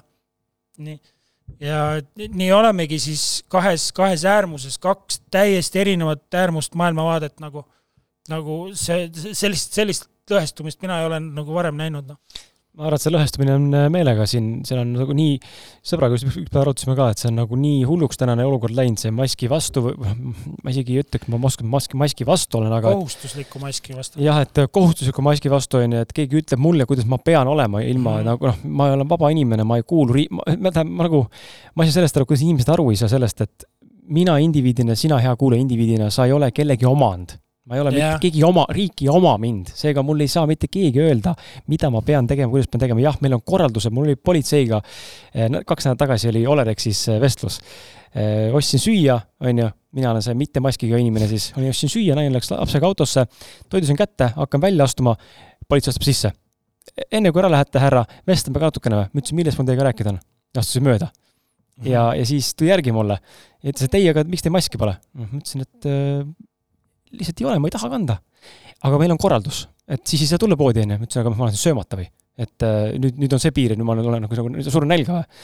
ja siis ütles ka, et ei, aga et maski tuleb kanda, et see on ju korraldus, ma ütlesin, aga see ei ole seadus. ja siis ta hakkas minuga vaidlema, lõpuks sain ma aru sellest, et seal ei ole mõtet vaielda, sest et me vaidlesime korralduse ja seaduse sõna üle, onju. Mhm. ja lõpuks ma saingi aru sellest, et ma ei, ei saagi teha selgeks inimestele seda, et ma ei, ma ei ole kohustatud mitte kellelegi äh, nii-öelda alluma, see võib kõlada väga nagu rebelina, mässumeelsena, aga ma ei õhuta mingi mässumeelsust, vaid pigem ma tahan nagu tuletada meelde, et keegi ei saa mulle, et kui kui Vilja, kui Viljem ütleb mulle, et Kris, kuradi, et anna oma rahakott siia, siis äh, ja, ja ma ei tee seda, siis miks ma pean tegema siis, kui politsei ütleb mulle mm? -hmm. samasugune inimene. jah, tal on munder seljas, silt küljes tol hetkel, aga tegelikult inimesena me oleme kõik võrdsed, samasugused, onju. Mhm. ja siis ma nagu nägin tekkiski arusaam sellest, et nagu, et äh, kui haigesed me laseme ennast niimoodi nagu mõjutada ja ja me üldse ei, ei suuda enam ise kainelt kaasa mõelda, vaid vaatamegi uudiseid ja klikkame ja usume seda, mis ühelt poolt räägitakse, teiselt poolt on vastumeelsus on ja ongi konflikt, on ju. ja hirm on nii suur siin küsis. ja, ja tulles selle sinu kana-, selle näite peale, selle, et maavarasi või üldse oma, oma, nagu varasid omandatakse ära, siis Kanada minu meelest on ju välja öelnud sellesama asja juba ka, et äh, et kui sa vaktsineerid ennast, siis äh, kaotame kõik autoriisingud ja kodulaenud mm. -hmm ja ehk siis kõik, kõik, kõik kuulub neile, kõik kuulub riigile, aga vaktsineeri. ehk siis jälle see on nagu sellest, et see on nagu mingi sihuke nagu, see on nagu, nagu peibutis, et äh, seal ei ole minu jaoks nagu sellist sõbralikku kompromissi, vaid seal on nagu nagu sihuke manipulatsioon, et kui sa tahad saada seda, siis ole hea, tule tee nii. see, see ei ole terve, see ei ole nagu eluterve suhtumine minu jaoks ja, ja ma, inimesed võib-olla siia vahele segada, Villem veel sulle, et inimesed räägivad, me räägime vandenõust, eks ole, ja inimestel on raske nagu mõista, mis mõttes vandenõu, kes see siis taga nagu nööre tõmbab, on ju, et miks see, miks see Ratas või Kaja on halb inimene, ma ei ütle, et nad halvad inimesed, nad lihtsalt on ka võib-olla teadmatusest või nad teevad seda meelega, me ei tea seda, on ju. aga vandenõu on reaalne, ma vaatasin seda üks filmi nagu Seaspiracy, ma ei tea, kas sa oled näinud, sellest dokumentaal e? ei ole. räägib põhimõtteliselt ookeani, noh, Seaspiracy otsetõlkes siis nagu merevandenõu piltlikult öeldes, on ju. Mm. ja point on siis selles, et ähm, ta on küll selles mõttes äh, noh, ta on nagu, räägib nagu maailma sellest äh, teemast, et ookean on tegelikult äh, täna kõige suurem nii-öelda siis maailma või planeedi elus hoidmise allikas, kogu nende süsiniku ja muude asjadega, mis nad see mere, merepõhjas ja ookeanis nagu siis kalad nagu suudavad sünteesida, teha, tekitada seda, eh, et isegi puude sellest, kui puud ära võtta, siis isegi see ei ole nii hull, kui ookean oleks tühi või surnud, mm. et ookean nagu elu, eluressurss, et see püsiks, on ju. ja filmis tuleb nii hästi välja dokumentaalis, kuidas siis äh, igal pool Hiinas, Jaapanis ja Aasias kuskil, isegi siin Hispaanias ja Šotimaal ja Islandil siis äh, tapetakse reaalselt äh, aastas mitu korda, aetakse nagu kaldasse hunnik vaalasid ja delfiine ja lihtsalt lõigatakse kõri läbi. seal on kaadrid, kus tapetakse nagu tuhandetes lihtsalt inimesed lõikavad nagu delfiinide kõris läbi, meri on üleni verine lihtsalt. sellepärast, et äh, suur korporatsioon kalurid, firmad mm., mis on illegaalsed tegelikult, on nagu, püüavad nende suurte tööstuslike võrkudega merepõhjast endale kalu, on ju, tuunat mm., tuunikala, lõhe ja muid asju kaasa. selleks, et nendel oleks käive suurem Nad peavad tapma ära konkurendi, kelleks on vaalad, delfiinid ja haid, kes söövad ära need väiksed kalakad, enam püüda ei saa. ja täna on ookean põhimõtteliselt suremas ja kui see peaks ära surema, ookean, siis mhm. põhimõtteliselt sureme ka inimestena meie. ja see film näitas nagu nii hästi seda seost, kuidas nagu et me räägime vandenõust, aga see on ka vandenõu. meile räägitakse, et äh, me tapame kalu sellepärast, et tasakaalu on vaja hoida mm tasakaalu ei pea hoidma siis, kui sa ise sekkuks loodusesse oma kätega, inimene on nii palju sekkunud juba igale poole mm. -hmm. ja, ja see lihtsalt näitab seda, et me tegelikult ei tea enne, kui me ei uuri, ja see film nagu mind pani nagu väga mõtlema jälle, et nagu what the fuck lihtsalt, mis toimub, on ju, ja nüüd see SE seadus on ju, või NET või üldse need seadused, mis siin pandeemia praegu toimub, kui me nagu näeme ja oleme valmis aktsepteerima, just nimelt tuleme jälle saate algusest tagasi, aktsepteerima, et võib olla ka teine variant, ma ei mhm. pruugi kõike täna teada. noh, see on juba võit, aga me ei suuda nagu näha seda, et äkki me arvame, et ma tean kõike, on ju, et mulle piisab Delfi pealkirja lugemisest. See, et see on, see on nagu üli-üli suuremahuline jah, et kui, kui me juba see teadmine, et ütleme, kaheksakümmend kuni üheksakümmend protsenti äh, peavoolumeediast omab äh, meditsiinitööstust. teatud väike käputäis inimesi, kes juhivad korporatsioone, omavad äh, lõviosa kogu planeedist, kus me saame midagi toitu kasvatada, noh, et nii, meil on keelatud hakata täiesti korduvkasutatud seemned on ära, ära kaotatud, et me ei saaks ise endale toitu kasvatada. nüüd eh, igasugu, reguleeritakse igasugune loomade kasvatamine nii ära, et me ei saaks iseseisvalt toime tulla. põlisrahvad surutakse välja, neid nähatakse, mm -hmm. nagu ohuna, et eh, meil, meil on vaja inimesi, keda me saame nagu täielikult kontrollida ja igasugune põlis, põlisteemad jätame asjadest välja, et see mäng on nagu nii suur see on nii suur ja need inimesed tõesti mõtlevad, et, et kuna, kui ühiskond ei saa areneda orjuses, kui nad meid kõiki ära orjastavad, siis see paat, see paat läheb väga sügavale põhja lihtsalt. et see, neil on tore plaan, aga see ei õnnestu lihtsalt, see, ta võib-olla korraks õnnestub, aga, aga siin läheb see asi väga untsu, noh. kas äh, selle teema juurde tagasi tulles, kas täna on, ma nüüd ei ole viimasel üldse eriti kursis enam olnud, kas täna, nagu ma aru saan, siis see võetakse vastu või? Meie nii-öelda meie protest või meeleavaldus siis tegelikult äh, põhimõtteliselt on ümber lükatud tähendab, äh, seal mingisugused, tähendab, äh, need mingisugused muudatused nüüd tulid sinna sisse, aga ma, ma jällegi, see on, tuleb jällegi kuskilt peavoolust, see info, vaata mm, -hmm. ma, mhm. ma ei tea, kas seda uskuda või mitte ja ma pole saanud üheltki Riigikogu inimeselt nagu nüüd kinnitust ja,. jah, jah kui see saadet kuulad siin, siis äh, meil on maikuu, ähm, siis äh, tea, et me rääkisime peaaegu et kuu aega tagasi olevast äh, informatsiooni teadlikkusest, nii et kui on huvi, siis mine vaata juurde ja loe kindlasti juurde, aga, aga midagi maikuuks on kindlasti juba nagu täienenud või muutunud või vastu võetud, et see neljas, viies mai vist oli see kuupäev, mm. kus midagi nagu otsustatakse juba. nii et jaa positiivsema noodi alt äh, tuleme siis äh, selle juures kohe tagasi, mitte et see negatiivne oleks, aga noh, see tekitab hirmu inimestes, ma tean, ja mu endagi vahel tekib niisugune viha ja selline asi, siis selle rahuneb maha ja saad aru tegelikult, et kõik on okei okay ja aga selge on see, et noh, tegelikult ei ole okei okay,, aga, aga selles mõttes, et äh, tuleme nagu selle juurde tagasi, et äh, sa oled oma, võtan just selle saate, tänase saate viimase küsimuse, et äh, sa oled äh, oma raamatus äh, kuidagi tuli nagu välja see ja, ja et sul on meeldinud lapsest saati nagu mõtiskleda ja filosofeerida surma, elu, kosmose, universumi teemadel mm. -hmm. ja olles nüüd sellesse teemasse natuke rohkem sisse läinud siia nüüd natuke sellisesse esoteerilisemasse või, või vaimsemasse või energiamaailma, sellesse suuremasse välja summitud pilti, siis äh, räägi nagu, mis asi on sinu meelest universum, kes me oleme ja miks me siin üldse oleme, miks see pull siin toimub ja mis, kuidas, kuidas, mis saab edasi, mis on sinu nagu arusaamine tänases äh, võimekuses? Mhm. see miks, miks küsimustele on jah, päris huvitav vastata sellises kontekstis. et ühesõnaga see universum või see on kõik nii-öelda teaduse väli, et meil on selline vale arusaam, mina näen, et meil on õpetatud koolis nii, et eh, kuidas tekkis universum, jah, et käis mingisugune suur pauk, siis eh, tulid tähed, siis tekkisid galaktikad, siis eh, tähtede ümber tekkisid planeedid ja planeetidel siis ütleme siis tekkis planeet Maa, sinna tulid vesi, sinna hakkasid tekkima, tulid taimed, siis loomad, siis linnud eh, ja siis lõpuks inimesed, siis tekkisid emotsioonid, armastus, rõõm ja igasugused vandenõuteoreetikud ja lamemaalased. Ja kõik see toimus ühe plahvatuse tagajärjel, jah. nii, see on, see, see kõlab minu jaoks sama loogiliselt kui kõrb, jah, ja kõrbes õhkame tuumapommi ja sinna plahvatuse asemele siis jääb, tulevad, tekivad ridaelamud ja sinna aiad ja siis iga, iga aia hoovis on pontu, kes on äh, rõõmus seal, augub omaette, et, et see on, see, see on üks teooria, mida meil on räägitud, aga tead, mina, mina saan aru, et mina olen nagu taibanud, et mitte mateeriast ei sea teadvus algus, vaid mm -hmm. teadvusest saab mateeria alguses. et ennem on vaimne maailm, siis tuleb füüsiline, mida mm -hmm. me mhm. näeme. et, et see on nagu vastu, täiesti sada kaheksakümmend kraadi vastupidi, mida meile, mida meil on nagu nii-öelda õpetatud.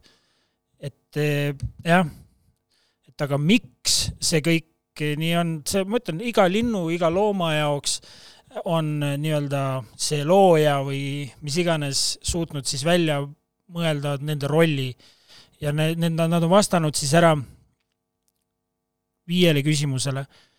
kes ta on, mida ta teeb, kellele seda, kellele ta seda teeb, mis kasu nad sellest saavad ja mis kasu temast ise sellest saab. jah, et ütleme, et noh, iga loom, iga, iga lind oh jah, saab vastata nendele viiele küsimusele, kui ta oskaks rääkida. nii, aga inimene, jah, meie oleme eneseteadlikud, kes on nagu, nad saavad aru, et nad on olemas, nad nad on jõudnud evolutsiooniga nii kaugele, et nad oskavad küsimusi, nad oskavad selliseid küsimusi üldse küsida, vaata. ja miks, siis iga inimene saab siis ise sellele vastata mm. -hmm. tema ongi see, kes seda kõike loob, tema saabki endalt küsida, miks ta siin on see enese sisekaemuslik ja kogu see eksistentsiaalsete küsimustele vastamine, ma pean nagu hoiatama ka, et isiklikust kogemust, et selle, nende teemadega, olgu need siis vandenõud või, või universum või, või kogu see vaimne maailm, et nendega ei saa väga, vahepeal tuleb paus teha, sest et sa hakkad lolliks minema lihtsalt, sest et äh, neid eksistentsiaalseid küsimusi võib tekkida nii palju, et ja. ma tean, et on olemas termin nagu eksistentsiaalne depressioon. ja, ja mul vist on korra isegi tekkinud eelmise aasta suvel või üle-eelmise aasta suvel, kus ma nagu tundsin, et elu on täiesti mõttetu, ma tahaks ennast ära tappa põhimõtteliselt, noh, ei, ei tulnud enesetapumõtteid, aga said aru nagu, et see kõik on nii mõttetu lihtsalt, sest sa hakkasid mõtlema mingisuguseid eksistentsiaalseid küsimusi, millele vastuseid kohe ei saanud ja siis tekkiski niisugune nagu tunne, et no täiesti mõttetu elu, mida ma üldse teen, miks ma, miks ma üldse midagi teen, nagu miks yeah. me üldse oleme siin, nagu ma tahaks võib-olla ära üldse minna või nagu lihtsalt olla või et aga ei saa olla ja ehk siis see võib natuke hakata nagu psüühikat häirima, kui sa väga sellesse kinni jääd sinna ja ei suuda nagu võib-olla ennast piisavalt palju kõrvalt vaadata sel hetkel. ja siinkohal vaata, et miks ma, vaata, tuleb aru saada, kellel, kes, kes see mina on, kellele me viitame. et me arvame, et oh, et mina olen see Paul. keda ma peeglist näen. ja, jah, et, et Paul, ehitaja, äh, noh mm -hmm., mis iganes need asjad veel sinna juurde, aga tegelikult seda ego ei olegi olemas nagu, et kuulaja, ma, ma tean, see, see võib-olla kõlab nagu naeruväärselt, aga sind ei ole olemas siis mida, vana, mida sa mida räägid, et ma kuulan sind, et kes, kes see siis kuulab, vaata, et ma kuulan ju. jaa et see ego on illusioon, aga sellest tuleb nagu läbi hammustada, et mitte, et vaata, öeldakse, et ego surm või ego peab ära surema, ei pea, sa pead lihtsalt taipama, et see on illusioon. tunne on, sa tunned, aga tundjat ei ole. katsu leida, katsu, ma esitan sulle väljakutse, tuvasta ennast, kus sa asud, kus sa asud mm -hmm. seal kehas, kus, kus sa oled nii-öelda, sa kuuled, on ju, nii, kus see kuulja on, see kuulmine toimub, aga kuuljat ei ole. samamoodi tundjaga, jah, tunne on, aga tundjat ei ole, nägemine on, aga nägijat ei ole. seda ego ei ole, see ego on niisugune kaval illusioon, jah, et seda saab ja seda saab, ta on vajalik, ta on olemas nagu selles suhtes, aga ta on illusioon. et, et sind, sind ei olegi tegelikult olemas hea koht, kus saadet lõpetada, et sind ei olegi tegelikult olemas, et äh, mine koju ära, et. William, kust su raamatut osta saab muidu, kui siia see ka veel sisse tuua reklaamina? aa, okei okay., et võimalus on muidugi Rahva Raamatust, Apollost ja ta on Selverites ja Prismades ma olen kuulnud, et on ja kes tahab pühendusega, see siis võib koos Muudame maailma paremaks lehele ka kirjutada. just, see on kõige tähtsam, pühendusega ja see pühendusega raamat äh, on üks minul siin olemas, nii et see on sulle tulemas, hea kuulaja. Kui, kui sa sellele postitusele hoogu annad Facebookis. Äh, lõpetuseks, mis sa tahad öelda veel, mis jäi täna saates ütlemata, loomulikult jäi palju ja, ja rääkida on väga palju, aga on midagi, mis sa tunned, et on selline, et äh, tahaks öelda, mainida või rõhuda või, või on kõik jumala fine? no üks asi, mis mulle elus on väga palju kasuks tulnud, me ei pea olema ideaalsed jah, et me, me, me, me ei pea olema ideaalsed. kui me soovime olla ikka väga ideaalsed, siis me anname endale võimaluse, ainukese võimaluse, et me ei saavuta seda kunagi, sellepärast et ideaalset ei ole nii-öelda olemas.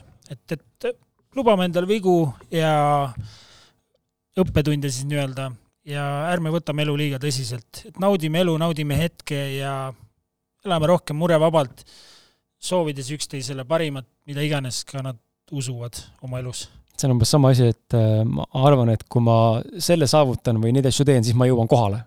kohale ei jõua mitte kunagi, onju, ja tegelikult seda rahulolutunnet ei teki ka mitte kunagi välistest asjadest. jaa, et seal raamatus ka ma kirjutasin, et üks suurimaid õppetunde, mis ma saanud olen, on see, et et mitte need asjad või saavutused ei tee mind õnnelikuks, vaid see, teeb või ei tee, siis kelleks ma muutun selle käigus neid asju taga ajades mm. -hmm. et kas, kas see on õnnelik inimene või ei ole?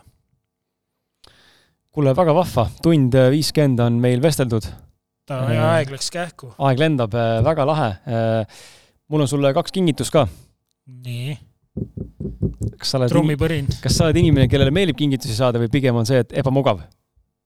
mul ei, meeldib muidugi mul on väga ebamugav näiteks.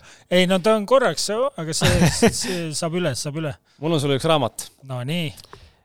Äh, meil on Million Mindset äh, kirjastus on äh, ausalt meie podcast'i üks koostööpartneritest ja, ja mm. mul on niisugune raamat nagu Teadlik mees. oled kuulnud, ei ole? tähendab, ma olen sinu raamatut lugenud, see aga see pole minu, aga see pole minu raamat. aa, okei okay.. aa, okei okay,, ma olen kuulnud sellest ja väga hea. see on praktiline teejuht kaks, kaheteist nüüdisaegse meheliku omaduse arendamiseks mm. siin on väike pühendus minu pandud sisse ka sulle, see on sulle lugemiseks.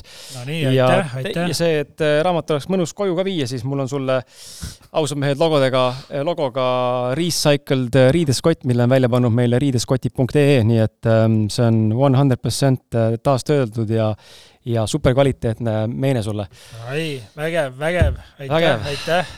tehtud, purgis. olemas kuule, väga lahe oli äh,, väga lahe oli ja, ja mul on tunne, et äh, et äh, ausalt, meie podcast'i kuulajad näevad ja kuulevad sind veel äh,. nii et äh, andke aga teada, head kuulajad ja vaatajad äh,, või tähendab, antud juhul kuulajad, vabandust, et äh, kas saade meeldis ja, ja kas tahaksite Williamit veel kuulda ning siis saame selle ära korraldada äh,.